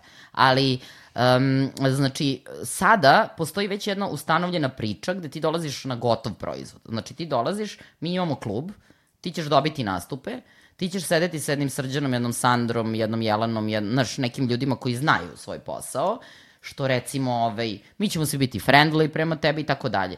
I to je ono, ovaj, Jelena će biti, Radanović ponosno mene, pošto smo pričali baš na ovu temu, dva put sam je spomenula već. Ovaj, ne. Fora u tome što oni ne kapiraju da je to posao. Da je to baš ozbiljan posao. Oni stalno misle da je, znaš, to nešto ušuškano, pa, jer mi jesmo ušuškani, priznaj, bio da, si. Da. Mi smo, znaš, ono, nismo ni da te maltretiramo nešto, ni da ti dajemo pravila, ni da te kažnjavamo. Tebi kad je loš nastup, ja ti ne skidam honor. Mislim, prosto da. nemam, nemamo mi taj pristup uh, silovateljski, kapitalistički, prvo to što to mislim da ni ne može u stand-upu, znači ja bih volela da može, veruj mi, da. ali ne može. Mm. Ove, ovaj, drugo, zato što ja ne vidim razlog da ti sad, naš čoveka, preko njegove muke još, mislim, nije mi jasno to. I, ovaj, i, i, i jednostavno, uh, ali pravila su vrlo jasna. Moraš da budeš smešan, budeš dobar. Da. I sve ostalo ne valja. Za, razumeš, ali nekako stalno to uspe da pro, prođe kroz te neke nove komičare. Ali to je zato što nisu počinjali, razumeš, i nisu um, dobili taj šut u glavu koji smo mi dobili i jednostavno misle da je to nešto njima bogom dan. Da. I to je dosta veliki problem. Zato se pravila menjaju i mi sad sve više zaoštramo. Sad moraš da prođeš open mic, pa da ideš na radionice, pa posle radionica da dobiješ nekakav nastup. Pa ako na tom nastupu budeš ono, mislim, sakova onda eventualno ponovo na radionice, pa onda, znaš, da. ali e, Kako znaš šta je problem? Proces pravljenja komičar. Da. Jer ti moraš da uložiš minimum šest meseci da kažeš da on ne može. Da. Ili može. Ne možeš ti prvi dan to da kažeš. Razumeš? Jer on, svi oni imaju neki talent, čim su tu. Da. Znači nešto imaju, razumeš, i sad ti dođeš i kažeš kao, ma ti nisi, ti moraš da prođeš jedan period sa njima i onda da kažeš, aha, nije on za ovaj posao. Znači mora prođe neko vreme, što znači... Investiciju. Neko. Investicija moja lična, koja će mene koštati kasnije svega, najvjerojatniji prvoživac. To da. sam rešila, moram da se pohvalim zato što da. idem na terapiju. Ove, ali kako se zove šali, sad stvarno, mislim, znaš, mnogo je da. nezgodno. Ti sad mene uvatiš i obučavaš me za Šta god. voditelja, nebitno da. je, razumeš, za bilo šta. Znači, ja šest meseci s tobom prolazim proces jedan, razumeš, da mi sedimo, pričamo, doživljavamo, ne doživljavamo, razumeš? I onda ja kažem, ma ja sam bre bolje od teba i vidimo se. Ali to oni svi rade, znaš. Da. Ali mislim, to nažalost ne donosi rezultate. Znači, da. ona, znaš, onaj ko, s, s, mi da smo školica za pačiće male, a nismo to, nego smo vrlo ozbiljna organizacija, ovaj, ti moraš da poštuješ tu, tu školicu. Da, da. Čak i da smo školica da. a mi nismo školice. Da. Ali, ovaj, ali, znaš, nekako oni odu i pokupe se posle te edukacije koju dobiju, misle da je to dovoljno. U stvari, meni se nekako čini da se oni uplaše da treba dalje da rade. Da, da, uplaše se od količine posla koja ih zapravo čeka. Jer moraš da se, e, ne možeš ti da sediš, da srđan izbacuje sedmi E, razumeš, specijal, da Sandra obilazi pola Evrope, da, znaš, ono, e, Jelena od silnih otkaza dobije, dobije, dobije dobre one woman showove, da, da cela ekipa radi, da ovaj snima podcast, da ovaj snima emisiju, da, znaš, ono, ovi rade na televiziji, ne znaš, ti svi se pokreću, a ti sediš, razumeš, i naravno osetiš pritisak. Da. Ja mislim da, ono, ja sve to razumem, ali to ne mora znači da je to okej. Okay. Da. Znaš. E, ali kad kažeš radionice, kako izgledaju te radionice? Šta se na njima radi? Pa znaš kako, ovaj, mi smo vremenom stvorili neki, da kažemo, materijal koji saopštamo ljudima, ovaj, zapravo pokušamo iz njih da izvučemo maksimum. Ove, ovaj, uh, radionice su mesta gde ti pročitaš ono što si napisao, zatim mi krenemo malo da analiziramo to, pa onda krenemo te gađamo sa raznih strana, tipa, razumeš, šta ti tu hoćeš da kažeš, pa koja je psihološka tvoja struktura, krećemo da malo kopamo da vidimo da li može da se radi sa tobom. Jer u suštini moraš da budeš open da bi radio stand-up, I ako imaš recimo te momente, znaš kao, u fazonu kao, ma kao, vi nemate pojma, mislim, razumeš, to je blokada neka i tako, imali smo i to. Pa smo imali nekog sve sluša i onda dođi ponovo isto priča. Da. ja kažem, bože, ovim profesorima uopšte nije lako majke mi, znači ono, sve te sluša čovek. Znači ti misliš dolazi sledeći put, sve će bude genijalno, razumem, to će sa istim tekstom. Sve isto, isti delivery, si, ti kažeš, pa čekaj bre, mislim, jesmo, znaš, Jesmo pričali već. šta smo bre pričali malo pre, razumeš, pre nedelju dana ti kažem, ne može, znaš, ovo ti nije stand-up, ovo ne može, ti ponovo i ponovo, pa, pa onda recimo ne razumeju te neke stvari, poput, kažem ti, recimo, imali smo jednog uh, dečka radio nešto kratko sa nama, ovaj ima neke fore o ženama i ja mu kažem, to je mizogino i ne možeš to da radiš, osim ako nije mnogo brutalno jaka fora. Znači, ono, ali ako, ako nije brutalno jaka fora, onda je samo hejt. Da. Samo mrzi žene, znači ništa drugo nema. I, ovaj, i pritom, a pritom mu kažem otvoreno, kažem, slušaj, to mene i lično pogađa da sam žensko, razumeš, Da, da, da. odvratna je fora, ono, znaš. I kao hi, hi, hi. I on ponovo, i opet, ali on ima nastupe. Znači, on ima 10 minuta na stage-u, recimo, jednom mesečno.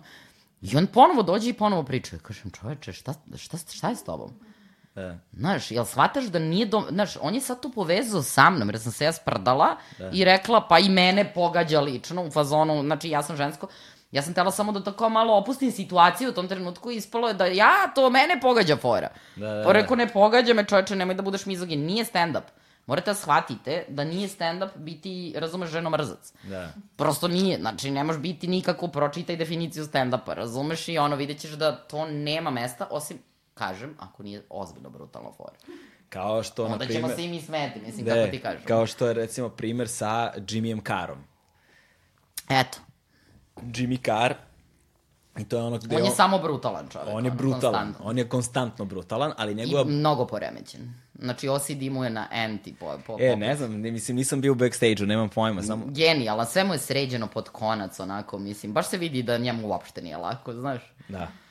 Da, on ni izgleda tako, on je uvek u odelu, Nikad. uvek je ono svaka dlaka na svom mestu. Da. I to je ono što je recimo lepota njegovog nastupa, ko nije gledao Jimmya Cara, neka, neka ovaj, progugla malo, neće zažaliti. To je taj suvi humor njegov, ko- kako, kako, kako ga Britanci zovu dry humor, Yes. jel te, suvi humor, ne, naš, ne znam. Vređajući humor. A, gde on je, on je onaj, što se kaže, one-liner u suštini. Da. On, on ima te, e sad, tu je razlika što ljudi, koju ljudi ne razumeju. On ne priča viceve, on je one-liner. On je one-liner. On je one-liner. I, ali njemu internet nije prijatelj. To Ne. je, ono, to je ono što je veliki problem. Ne samo sa njime, nego sa stand-up komedijom u, u i generalno. Možemo o tome malo da govorimo. Jer kada je on došao u Beograd i kada smo gledali njegov nastup, sve fore smo već znali, Znali. U ono x vremena unazad. To je jako nezgodno u doba interneta, zato što ti pozorišnu predstavu nekako ne, niko ne hrli da YouTube-uje pozorišnu predstavu. Da. Ali stand-up svi hrle. Mi smo čak na Dilanu Moranu uhvatili čoveka koji je snimao Znači, ono, meni je javio fazon neko sa balkona da je čovek u sred srede, znači, upalio da snima i tako. Da. Jer to je kao koncert, kao, znači, lože se, vole ljudi. Pa su, recimo, jedna žena je snimala audio Srđanov, samo da ona ima audio zabelešku. Mislim, Srđan, to je već psihoza. Ove, kako se zove, pa smo se zazali, nosite ga, znaš, kao samo, znaš, kakve audio snimci ste ludi, znaš, baš, baš je besmisleno, čak ni ne vidiš. Ali jednostavno ima, vole ljudi, ovaj, da snime stand-up, ali ovaj, uh, da se stane tome na put je jako teško. Ono jedino što može da se radi, ono što mi radimo, to da se pegla po klubu, a ne po velikim prostorima ovaj, stand-up. I da jednostavno u jednom momentu snimiš specijal i okačiš ga gore i prestaneš da ga da nastupaš tada sa tim i da eventualno ako ti neko baš traži taj odradiš to. Ali ovaj, to je jedino što je, mm, e, kako da kažem, pametno, jer tvoja, mislim, ovde se ne poštuju autorska prava de facto, e sad, ni tamo negde se isto ne poštuju, ali ovaj, nekako, možda taj neki život jednog specijala treba da se desi na, razumeš, svake tri godine, na primjer, da kažem, i onda se popne gore, popne se gore, popne se gore, i onda nekako sprečiš baš da ideš sa starom predstavom i da to bude tako malo neprijatno. Da, i kak, ali kakva su iskustva sa ljudima koji konstantno telefonima žele da snimaju? To se sigurno dešava non stop. Bila sam na Russellu Petersu, ovaj, to je organizovao moj partner iz Londona sa kojim dovodimo ovaj, sve te ovaj, sa A liste komičare. Ovaj, bili smo Russellu Petersu i Russell Peters je uradio foru koju ja želim snažno, možda ćeš mi ti pomoći. Ovaj, kako se zove, on je imao u publici recimo 7-8 crnaca od 200 kila. Znači šta, da se ugojim? Pa, na primjer. Da. I da nabaviš još devet takvih. Da, da. Ovaj, uglavnom, ovaj, on je izašao na stage u Lisinskom, da je dva soma mesta. Izašao je i rekao je, ja vas uopšte neću sprečavati da telefonirate, slikate, dramite, kaže, ali moji prijatelji hoće. I onda si ti video prijatelji, onda si u fazonu. ali, ali pritom nam nije bilo prijetno, kao to je joke, ali suštinski on je ogroman. Znači, niko se ne smeje od crnaca. Da, da. Tako da, da znaš, ti se mnogo smeješ za crnce, šalim se. Da. Ali, ovaj... e, ali, ovaj... to, je prvo, to je prvo pravilo komedije, nikad ne govoriš da se šališ. da, da, da, ne, ja moram da kažem zbog podcasta, inače da. ne govorimo. Da. Ovaj, tako da, tako da to je to, ovaj, ne znam kako sprečiti, ljude nisu normalni, eto, deset ne. crnaca, nemam pojma. Da, da. Znači, jednostavno, ovaj, ja uh, idem po klubu, idem po uh, domu sindikata, idem po vama, idem po tome, znači, gledamo, pazimo, imamo ove razvodnice, imamo sve, ali jednostavno, ljudi vole više nego leba da jedu to da uredi, to zato što im zabranjeno. Da. Znači, ja ne znam, znaš, valjda zato što to kao neška ekskluziva kad ti, znaš, ono, a pritom, ovi komičari to stvarno ne vole, zato što ne znaju da li snimaju ili slikaju, to je prvo. Znači, kad snimaju ne valja. Drugo, ne vole da vide sebe iz nekog besmislenog ugla u nekoj da. buci na nečijem storiju. Da. Bez veze, razumeš, ne vole i oni su ljudi, mislim, znaš, da. oni imaju dušu. Tako da, ovaj, to je meni nekako bez veze. Ja bi taj live ostavila za live i ti specijali su, na primjer, ono što smo uradili u Akibi sa Srđanom, mm. to je super ispalo. Uh, uzmeš lepo 3-4 kamere i snimiš ozbiljnije neku priču, razumeš i pustiš ono na YouTube. I... Onog trenutka kada je taj sadržaj završen, kada je njegov, kada je god, njegov život Njegov gotov. život, da. Recimo, Ciklus. Uradiš turneju, uradiš ovo, uradiš ono i okačiš na YouTube. Ba, Ali to oni materijal. rade, to da. rade svi ovi veći komičari. Oni samo što malo im je duži put turneje, pošto naš put turneje je po SFRJ, da, i... a njihove po svetu, pa to traje 20 godina. Ovaj, kod nas E sad si postoji, obišao sve. Sad postoji još jedna stvar u, u komediji, a to je da uh, jednom trenutku kada fora nastane, ona ima svoj razvojni put do svog finalnog proizvoda. Specijali se snimaju tek u onom trenutku kada je to izbrušeno da. do kraja i sad imaš delivery toga i, tačno i gotovo. znaš šta je. Da. I gotovo. I kad da. to snimiš, s time si završio, brišeš yes. novi list parče papira, yes. idemo iz početka yes. novi proces. Uh, veliki broj komičara koje mi, na primjer, ako uopšte dođemo u priliku da do, poziciju da dovedemo, oni imaju taj, te krugove, koliko sam razumeo, nastupa. Znači, mm -hmm. kada je materijal nov, da. imaju kada je najjeftinija karta i kada idu po kada nekim... Kada ga prave kada ga mhm. prave, mm. kad idu po nekim XY zemljama, yes.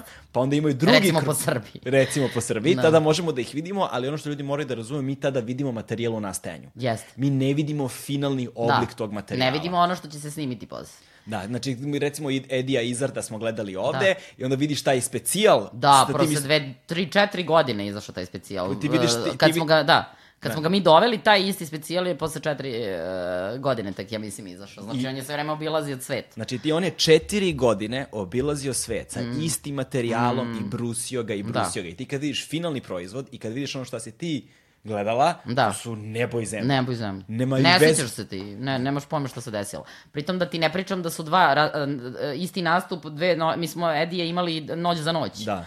Ove, e, u martu neko, recimo 2012.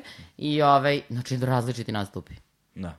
Da, potpuno Prvi dan, drugi dan. Dobro, sa Edijem izradom je to specifično jer on je inače dosta slobodniju formu ima. Jest. On ima osnovne premise kojih se drži i sve ostalo je... Da lepota njegovog izraza je upravo u tom... Jeste, ali on dosta veliki, kako ti kažem, disciplinovan je on za nastup, on ga steže. Mm. Uh, tačno, recimo, na sve njih, to, to je moja velika želja, da naši komičari, ja znam da, da mi živimo u tom nekom, da kažemo, nastajanju i sve, ali ja bih volela da naši komičari dožive ovaj, ljudi sa kojima ja radim da dožive to, tu lepotu kad ti odeš recimo u neki grad, pa naučiš iz tog grada, pa pokupiš. Edi Izard je bio fasciniran Beogradom.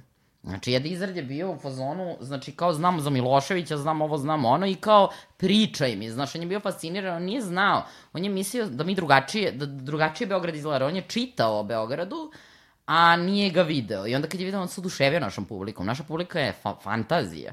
Komičari obožavaju našu publiku. Znači, zato što smo mi tačno u merici. Znači, niti smo ono 8-8 Amerikanci, niti smo, znaš, ono kao priča, mislim, znaš, ono. Znači, mi smo tačno oni uh, uh, uh, koji na dobar humor stvarno, znači, umemo da se nasmejemo i mi jesmo duhovit narod jako. I ove, imamo taj neki šmek, takvi smo i veruj mi, znači, bilo je mnogo komičara kod nas. Znači, Australija, Island, mislim, London, ovo, ono, znaš, ono, sve smo izgazili, razumeš? Koji govore engleski, normalno, ne možemo baš Nemca dovesti, malo bi bilo nezgodno za prodati, ali možda bi imao neku publiku. Ali kako se zove, ali hoću ti kažem, ovaj, znači oni su bili svi fascinirani, znači Daxon, Daxon strip crtač i Da, stand-up da. komičar i tako, totalni ludak i genije, on voli Bena Kibu, mislim, više nego leba da jede. Da. Ja sam u fazonu ovaj čovjek zaljubljen u, u znaš, be, ali baš voli Akibu. Da. Hoće Akibu, znaš, ono, ka, za dž će onda dođe. Ja sam u fazonu, znaš, ali njemu se sviđa publika, jer jednostavno na Islandu da li ljudi tako gledaju ko predstavu, da li, znaš, svi smo mi različiti, ono. Znaš, severnjaci su tako malo, znaš, pogledaju predstavu, ono, a mi smo ono kao, znaš, puno krvni, valjda učestvujemo, sviđa nam se, znaš, tu smo, nemam pojma, vole, vole, pa recimo hrvatski komičari obožavaju da dođe ovde. Slovenački isto, znači, um, Saško Kocev iz Makedonije, ovaj, genije, totalni, ovaj, stvarno, nije što mi je prijatelj, mnogo je smešan, mislim, ono, on ovde čovjek ima fan bazu, znači, bio pet puta u životu. Jednostavno, prisutni smo mi kao publika. Daleko od toga da nismo, znaš. Sećam se da je jedne godine na festivalu bio problem što se nije pojavio jer je valjda dete dobio. Da. Šta je bilo, tako Dobio je dete A gomila publike došla dan, samo zbog njega. Zbog njega, da. Dan pre je dobio dete, što smo mi negde znali. Da. Mi smo znali da će da se desi dete u jednom momentu, ali nismo mogli da, razumeš, morali smo da ga bukiramo u pet meseci pre toga, razumeš? I, i onda smo bili u fazonu, jer znaš i sam kako organizaciji, mislim, ne bukiraš ti dan pre, nego Da. znaš od početka godine ko će na festivalu da ti bude, razumeš, u oktobru. Ovaj, to je ono što ljudi koji se ne bave organizacijom stalno misle, znaš, da mi to nešto kao smišljamo 15 dana ranije, ja kao da, da. Ove, kako se zove, ja rekao, ja sam već u 2025. Mislim, Da. znaš, on, ali, ali fora u tome što ovaj, Saško uh, ima neku harizmu koja, uh, popili su ga svi dobro. Znači, Da, ceo region. Meni je najdrži bio u suštini Dylan Moran kada se pojavio, prvi put kada sam ga gledao, jer tada tek uživo shvatiš i doživiš subtilnost a, njegovog nastupa koju ne možeš da doživiš niti kroz serije, koja recimo Black Books je poznata serija koju on radio, ili njegove stand-up nastupe, zato što a, kod, kod njega postoji recimo jedna ta subtilnost punchline On ima punchline koji ti ni ne primetiš da je punchline. Nema onaj, Poetski. da, nema taj, Amerikanci imaju te kako oni nazivaju mic drop. Znači, Da. Amerikanci imaju priču koju vodi i ona I ide u kao punchline idemo, da. koji treba da ubije. I onda ono prave pauzu da se publika is, Yes. ismeje. To je veliki, velik, velika stvar kod njih. Kod Dilana Morana postoji ta varijanta da ti on prosto Da. priča priču i da ti treba da obratiš pažnju da bi uhvatila Da. Moraš da ga slušaš dobro. Treba dobro da ga slušaš, treba dobro da ga slušaš i on ima gomilu tih fora gde se, gde, gde se on zaustavi i on te sačeka da ti shvatiš Da o čemu se šta se zapravo... dešava. deš- I jako dobro to vozi i onda je to, to je super model u odnosu na koji ti treba da vidiš kako sve potencijalno stand-up može da se razvije u kom smeru bi on mogao, mogao, da, mogao da ide. Pa, znaš šta, već je neko vreme u Britaniji mnogo njima zanimljiviji postao storytelling, ali u stand-upu. Znači, sama ta priča koja teče, koja ima flow i tako. Znači, to, zato što su oni, mm, e, ipak su Englezi, mislim, po pitanju tekstova, generalno, pisanja, znači, literature, mislim, mm, ne, zaista se ne mogu poređivati sa Amerikancima, mislim, što se toga tiče. Da. I pozorišta i bilo čega. Znači, oni jednostavno nalaze uvek neki novi način da, da istražuju ovaj, te stvari i sad je trenutno recimo njima uh, uh, dosadan taj panč, pančeviti silni i silni one-liner i to im je totalno postalo dosadno i sad su oni u fazonu storytelling, ali sa pančevima.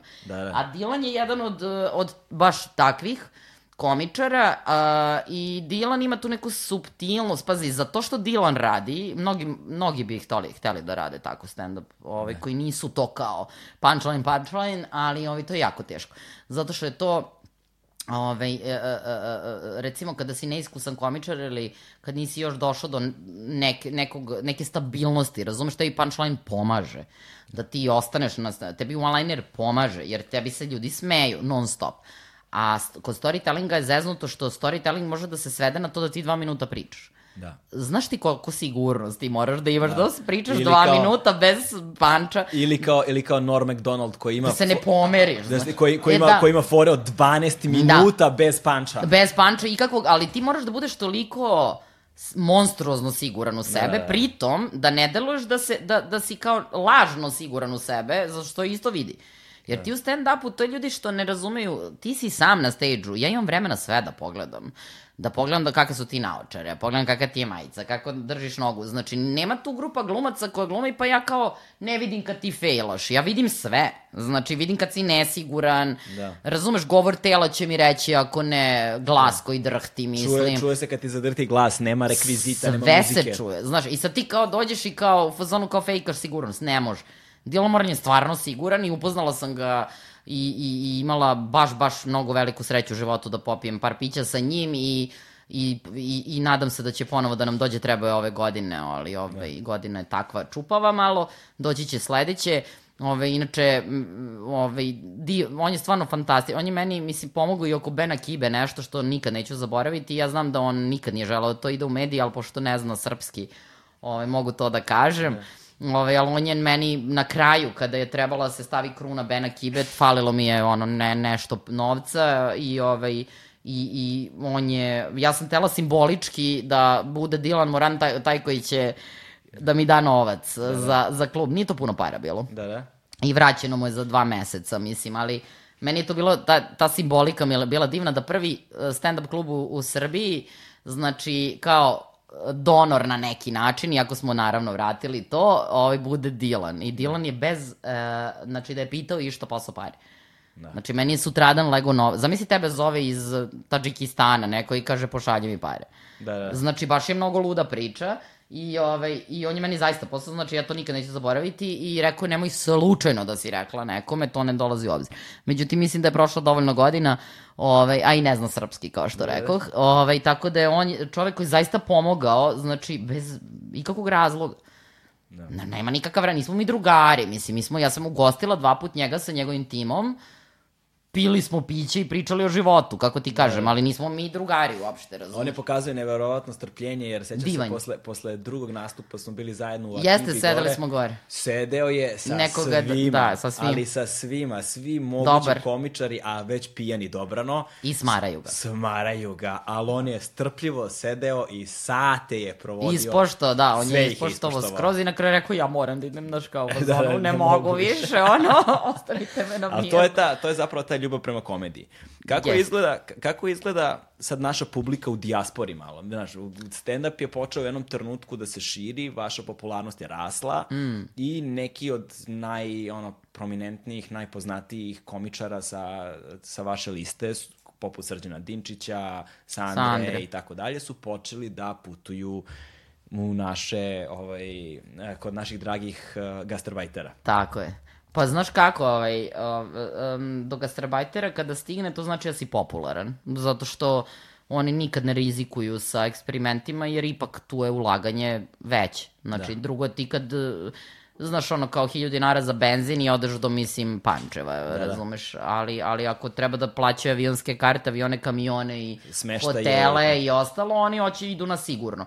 Tako da u suštini kada te zovu iz raznih tako nekih gradova, znaš da si, da si poznat. To je, mislim, prvi znak.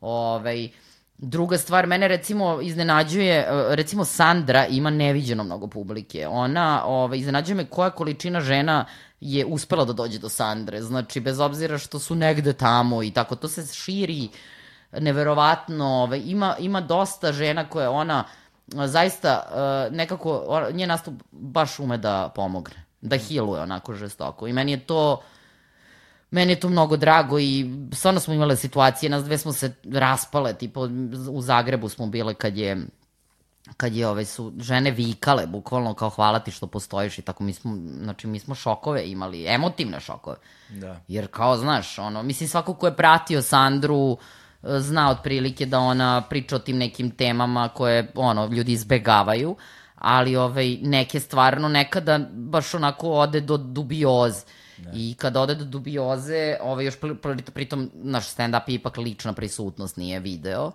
I nije joke i nije, znaš, im postoji ozbiljna priča iza. Ove žene koje se tu učitaju, znači, se raspadnu. I onda se i mi raspadnemo zajedno sa, sa njima, jer je nemoguće da razumeš da ti plače deset žena i zahvaljuje se što postojiš, mislim, a da ti posle odeš kući, opreš zube, legano spavaš. Mislim, ne ide tako, Da. nego onda se mi vratimo u hotel, onda mi ne znamo gde se nalazimo, onda ja se pravim da sam okej, okay, Sandra se raspa, i tako, mislim. Ali hoću ti kažem, vrlo su to procesi, znaš ono, uh, uh, uh, kako je došlo uopšte do svih tih žena, meni, meni recimo, naša zajednička prijateljica je meni prva pustila Sandru ili ti Dinju u tom momentu. Da. Iz Da, na, Njujorka. ona je na Vajnu bila u stvari. Iz Njurka, da, ona mi je poslala Koji i kaže... više ne postoji. Da, kaže, vidi ovu ludaču ili šta god da je napisala, nebitno, ali to je tad počela tek. Znači, meni je Željka iz Njujorka poslala to i ja sam bila u zonu wow. Znači, ona mi je poslala prva Sandra. Da. Tako da, jeste Dinja kanal. Da. Tako da, ovaj, kažem ti, znači, čuju ljudi za tako neke stvari, ona jeste specifična i ona baš prelazi granicu i, i, i, i zato je poštuju ljudi i to je super, ono, zato što, zato i čuju. I evo sada, deset godina kasnije, barem što se organizacije tiče stand-up RSA i iskustva u stand-upu koje je mnogo šire, stand-up počinje da dobija, po, dobio je svoje mesto ovaj, u nekim delovima kulturnog života, svakako Beograda i Srbije. Počele su organizacije međusobno da se povezuju sa Hrvatskom, sa Slovenijom. To je počelo od starta. Da, to je počelo, ali sada to živi na jednoj relaciji, postoje relacije Da. Koje su sad već ono žive, gde su se scene međusobno dobro upoznale, gde publika poznaje Da. sada na, e, izvođače iz, iz drugih zemalja u regionu, počelo je da se povezuje dobro dijaspora i počinje da živi jedna scena, zapravo zaista prava scena. Znači, na jednom sasvim drugačijem se mestu nalazimo danas, gde smo u odnosu na to gde je scena bila pre deseta godina.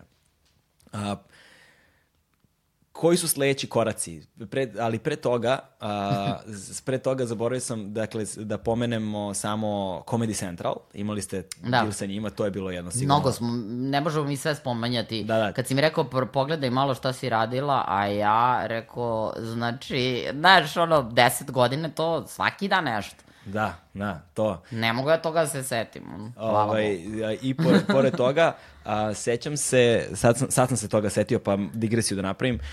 Um, Louis C.K. je nastupao u Budimpešti. Budimpešti, tako je, ti si bila na tom Bila nastupu sa Louis C.K. Dakle, prvo, kakav je Louis C.K. uživo, to je... Pa mogu ti reći, bila sam u depresiji posle. Što? Pa zajebanje. Imamo mi da peglamo još. da, ono, Zajebanje u pičku materinu, znači. ovaj, to je prva stvar. Druga stvar, znam da ste bili u nekim pregovorima. Bili smo. Bili smo mi sa svima u pregovorima. Nije problem doći do, do, do komičara, jer mi već imamo, mi smo etablirani i nije nama teško to. I svi hoće za... Međutim, problem je što mi... Um, problem je što uh, se mnogo novca traži, a naša zemlja nema ve, uh, visok standard. I ja prosto, znaš, ne mogu objašnjavati ljudima i, i uh, da mi, kod nas ne može karta da košta 70 i 100 eura. Da. Mislim, Da. da. razumeš, ja neću da košta toliko. Možda se i proda, ne znam. Ali ja ne, ne mogu to, razumeš, zato što mi nije jasno zašto bi u zemlji gde je 300 evra plata, 70 evra bila karta. Ne može. Znači, i onda mi kad dođemo do te tačke, jer sam ja u fazonu, uzmite sve. Znači, znaš, ne moramo mi ništa, ali ne mogu da stavim kartu 70 evra i 100 evra. Da. I tu je već, tu uglavnom dođe do tih ono, ali bit će sada. Znaš, ma ova korona i ovo zastajkivanje u poslu je sve podsjetilo da nismo mi baš toliko, znaš, Da.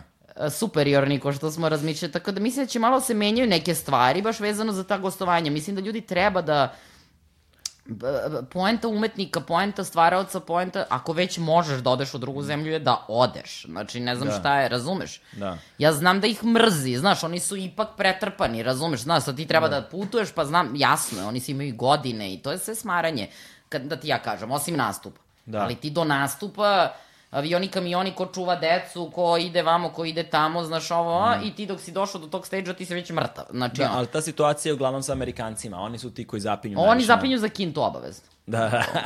Oni baš vole pare. da. So, ostali su spremni na kompromise, ali... Yes, pa dobro, znaš šta i bliže, znaš, meni kad dođe, ne znam, Iglesias uh, i bude u fazonu, ja imam svitu od desetoro ljudi, mislim, koji dolaze avionom, znači izračunaj samo avionske karte. Da.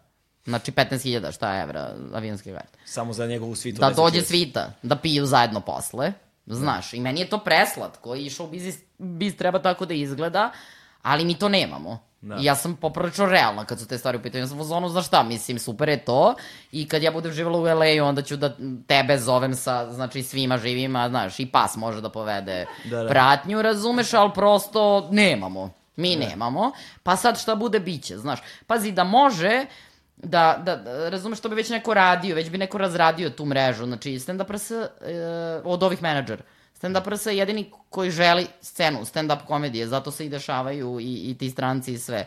Jer ovi drugi menadžeri, oni bi uzeli to da se isplati. To nije toliko isplativa stvar. Da. Jer ti dok platiš sve to, suštinski nema tu, ali ako se baviš stand-upom, onda je to tebi naravno Važno. bitno, važno i nisi ti u minusu. Ali da sad nešto zaradiš, ne znam kako, ne. Koji je sledeći korak? Sledeći korek je, da, Comedy Central se spomenuo, ovaj, na Comedy Cen- Central, pa samo ću reći jednu anegdotu, a to je da za malo svi ulazi Lazarević da završimo, zato što smo četiri dana snimali 40 epizoda, 60 epizoda, od po uh, 21 minut. Unapred pripremljenih, ali ono.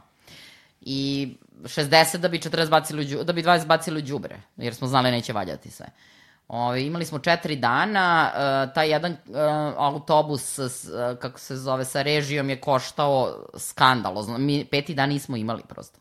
Znači, zato što je taj autobus koji je stigao iz Budimpešte, od Vajakoma i cela ta priča, pošto smo mi morali da radimo po američkoj tehnici, zato što je Comedy Central i to su, to ugovoru piše, razumeš, mislim, i mi smo morali da platimo taj bus, razumeš, mislim, znaš, toliko para da mi nismo imali peti snimajući dan, nije postojao. Tako da smo mi četiri dana, znači, snimili sve što smo mogli, pa ništa, bilo je plakanje, kukanje, dramljenje, tajno cirkanje, nespavanje, svađanje, znači, ono, Red Bull ću spomenuti. U jednom momentu sam ove, rekla treći dan, oni svi pali, znaš, ko su tužne sove, i onako se nešto izlaze jadni, onako, i ja ih utram u kancelariju i, i krenem, ono, da vrištim, bukvalno, da se saberu. Da. I kao, bilo ih je dvadesetak, ne, saberite se! I onda sam rekla u tom trenutku, Lea mi je bila tada asistentkinja, kupi im Red Bull, donesi kokain, kurve, šta god je potrebno. Ovo mora da bude snimljeno, boli me dupe. I oni svi kao neko pokunjeno izlaze kao da... Tako da, ovaj, to je bilo recimo snimanje, to je bio show program. To uopšte ne znam kako smo preživali svi. Ovaj, a što se tiče planova za za budućnost, pa ne znam, znaš šta, ja bih volela da stand-up ima neke forme e, koje nisu baš stand-uperske, ali gde komičari na televiziji rade neke stvari.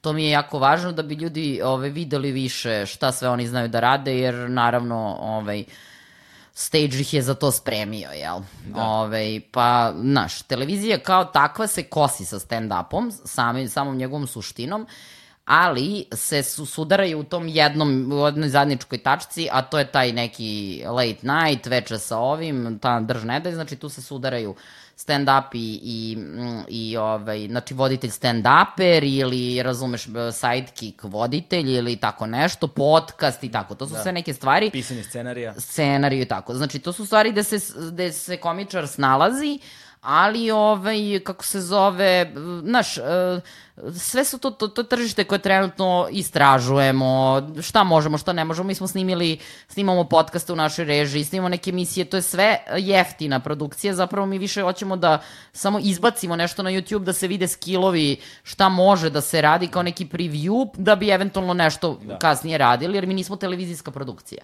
Da. Znači, ja nemam e, niti želju, niti, niti sredstva da kažem, evo, sto soma da snimimo, ne znam ti ja šta, pa da probamo. Znači, to nismo jer smo mi pozorište, ali imamo tako neke mogućnosti koje uradimo, pa kao pokažemo malo i tako. Ovaj, a osim toga imamo festival u Sava centru, što će da bude ludilo mozga, pošto je 3600 mesta u Sava centru. Tako da kad se zasmeje to, ovaj, ta količina ljudi baš me zanima kako izgleda, jer nisam nikad gledala sa 3600, znači najviše što sam gledala je 2000 ljudi. Ove, u domu sindikata smo bili često, kada ima 1600 mesta, sad ima 1200, pa nam više ne odgovara, na, malo nam je mali za desetogodišnjicu, pa ćemo da pređemo u, ove, u veliku salu i tako. Šta je plan? Plan je da ja nikog ne ubijem, da mene niko ne ubije, da pas bude prošetan, znaš, ono, ne znam šta je plan. Mislim, planovi su veliki, ne bi, morala, morala bi ovaj to, ono, da ti kažem, bez kamere, ali u svakom slučaju, Ove, ja zaista imam planove za narednih par godina u svim segmentima. Da. hvala ti puno, ovaj, Milice, što si bila uh, naš gost. Um, I za kraj samo, dakle imamo Za kraj? mi, za, imamo, imamo i mi našu Mici. U Jeste. stvari, jel, jel te, imaju, i Amerikanci imaju svoju majku ovaj, Da. stand-up komedije koja je sve savremene komičare danas koje znamo, ona ih je podigla, Da. ona im je dala scenu, ona im je pomogla kao menadžerka, ona im je govorila ti si smešan, ti nisi smešan. Mislim da je HBO snimio seriju Goldie. o njoj. E, tako je, eto, seriju o njoj, tako da možete pogledati i seriju o razvoju stand-upa i ženi koja je to učinila za njih u Americi, ti si naša verzija toga. Hvala ti puno na tome. Pre svega, srećam vam, srećam vam dekada ono postojanja. Hvala Želim i ti si deo našeg rasta, tako da si, i, tu ovaj, smo. Tu smo da se, da, za sve što je neophodno i ovaj, želim vam svu sreću u budućem radu i vidimo se još koji put ovde svakako. Naravno. Aj, to je to. Hvala gotovo. ti. E, da, i podržite nas ljudi na, preko Paypala, Patreon, ja to uvek zaboravim. Ej, Red Bull je baš dobro pisao. ja to uvek, ja to uvek, ja to uvek Svašta zaboravim. sam se ispričala, bože, ono. Možda bih mogao nekad to i na početku da kažem, ali svakako hvala svima koji nas podržavate. Jednokratne donacije PayPal, uh, mesečna pretplata Patreon, linkovi u opisu videa a, sve što, čega se budem setio što smo pomenjali, stavit ću u opis vida, Dinčićev specijal. Specijal, da, Bena Kiba, Up RS, sve, baš, ima svega ajde. i to. I ove dlake su od psa, da znate, ove bele. Ove. Baš, ajde, vidimo se, gotovo smo, čao, kraj.